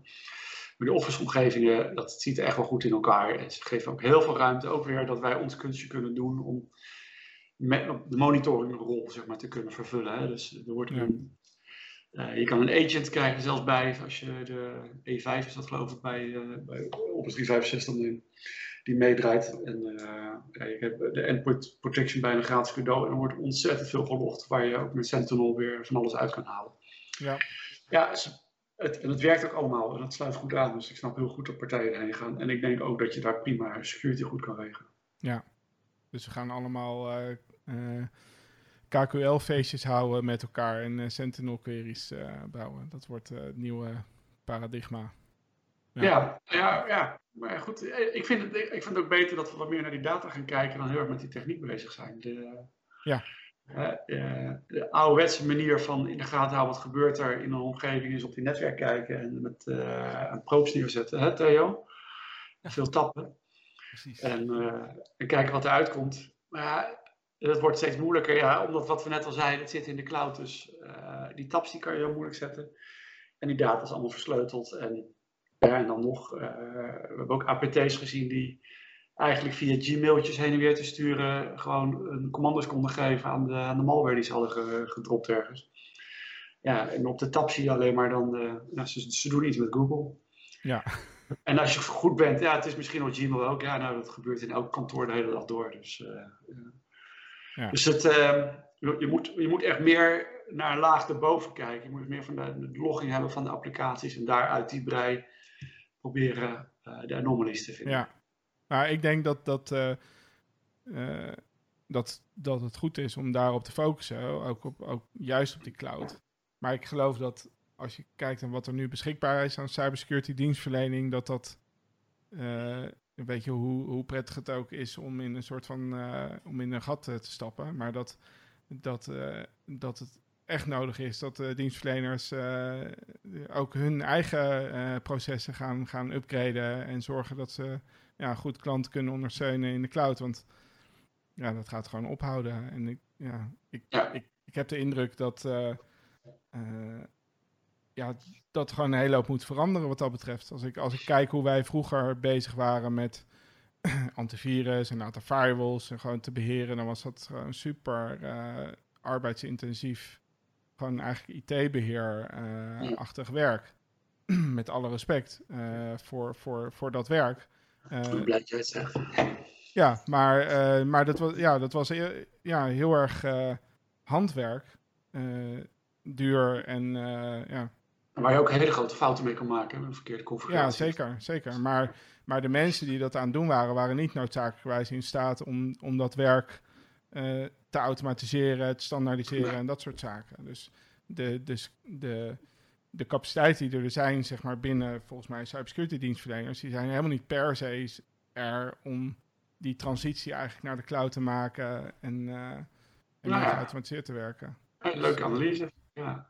Ja. Maar dan loop je er zelf tegenaan of ben je zelf heel hard bezig om te zorgen dat je wel die transitie mee kan nemen? Nou ja, wij, wij, wij, wij proberen dat dus wel te doen. Eh, dus inderdaad door eh, gebruik te maken van API's en, en automatisering. Nou, dus uh, Theo is een kunstje eh, vooral. Ja. Ehm, om eigenlijk processen die, die ik heel erg ken vanuit het verleden en door mensen werden uitgevoerd, om dat gewoon echt te automatiseren. Ja. Zodat ze ook bereikbaar zijn voor echt de kleinste, eh, de kleinste bedrijven. Want eh, ja, als je het dan goed doet, ja, dan is het ook in één keer heel erg eh, bereikbaar voor, eh, voor het MKB. En, eh, dus daar, dat proberen wij nu toe. Maar eh, ik, vind- ik vind het, ik, wat ik mezelf heb, heb gerealiseerd, van ja, dit kan eigenlijk bijna alleen maar als je met de schone lei begint. Eh, omdat, klopt. Ja, je kan eigenlijk bijna niet een, een bestaand bedrijf daar naartoe transformeren. ja. Want hoe lang bestaat Zolder nu? Ja, ze, we zijn in maart eh, gestart en de heren Ja. waren al iets eerder eh, begonnen met elkaar. Dus, in maart ben ik. maar heerlijk toch? Verse omgeving waar je alle keuzes nog kan maken. Ja, zeker. zeker. Ja, ja. Ja, dat geniet ik ook van. ja. Nee, dus, en, en lekker inderdaad bij Microsoft aan de slag. En, en dan. ei- eigenlijk had ik al wel het idee van: God, die zijn wel eh, behoorlijk goed bezig. En, en eigenlijk best wel eh, op het pad om eh, de bestaande security eh, partijen eigenlijk min of meer weg te vagen, misschien. Ja. In zekere zin. Maar ehm, ja, nu dat, nu dat ik daar wat dichter op zit, denk ik van ja, oké. Ik zou. Nee, je, je kan ook met zo'n inrichting van Office 365 je kan enorme blunders maken. En, Ja, tuurlijk.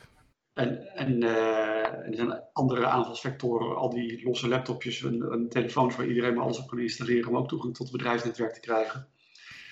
Eh, ja, dat, dat geeft weer nieuwe risico's. En eh, je moet ontzettend goed eh, of alles dichttimmeren dat dat allemaal niet kan. Maar dat wil eigenlijk niemand, want daarom ga je juist ook eh, de cloud in. Of je moet heel goed zorgen dat je aan de achterkant mee kan kijken of er geen rare dingen gebeuren. Nou goed, eh, ik, eh, ik, ik vind het allemaal mooie dingen. Dus volgens mij eh, gaan we een leuke toekomst tegemoet. Ik denk dat we elkaar zodra corona het toelaat, ook wel hier en daar weer eens gaan treffen. Hopelijk. Lijkt Ja. me wel leuk. Kijk we uit naar weer wat. Info security. Ik hoop dat we dat kunnen afschaffen, die, die beurs. nou, laten we bij deze afspreken dat we daar niet gaan staan. Ja, ja, ik heb voor mij 18 jaar lang daar eh, stond Fox er. Ik, de laatste jaren was ik er zelf niet altijd meer. Maar eh, ik vond het eigenlijk eh, een triest gebeuren. Ja. Nou, de, ik, ik heb het wel een paar keer nog gewoon leuk gevonden, maar eigenlijk min of meer voor, de, voor de sfeer met, met, met je eigen team, weet je wel. En dan, omdat het Ja. twee dagen was, hadden we altijd de, de avond ertussenin, was altijd een groot feest. Ja. Dat was leuk. En En dan ging de stand de dag daarna om 11 uur open. Inderdaad, of in ieder Ja. geval eh, effectief. En, eh, en ja, langzamerhand eh, ja, verdween ook wel een beetje de, de, het nut om daar leads te genereren en die dan op te Ja. volgen. Dat is Ja. al aan het eind echt opgedroogd. Ja, het werkt ook niet meer zo volgens mij. In de begintijd wel. En, eh, Maar we hebben volgend jaar wel als het goed is, eh, ik vergeet elke keer hoe het nou ook weer heet, maar OHM, nee, niet eh, De- MCH, toch? MCH.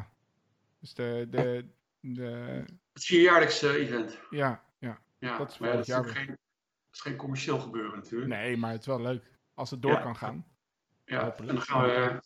Is dat volgend jaar gepland dan? Ja, Nou ja, dan gaan we lekker in tentjes weer zitten. ja, ja. Ja, de vorige keer kon je met een boot komen, hè? dat had Brenno geregeld. Oh, kijk. Ja. Hij was toen havenmeester en eh, had hij een sloot had hij omgedoopt. Oh ja, ja, inderdaad, ja. Dat weet ik weer, ja. Ja. Het, is, het is dit jaar dezelfde plek, of volgend jaar. Dus dan eh Ja? met de boot. Ja, met de Nou, boot ja. Nou, ik weet niet of dat nou verstandig is. ik denk wel, Nee. ik denk wel, ik kreeg al een mooie camper of zo, met een wc. Ja, dat is beter, ja. Dat is beter. Airco erop.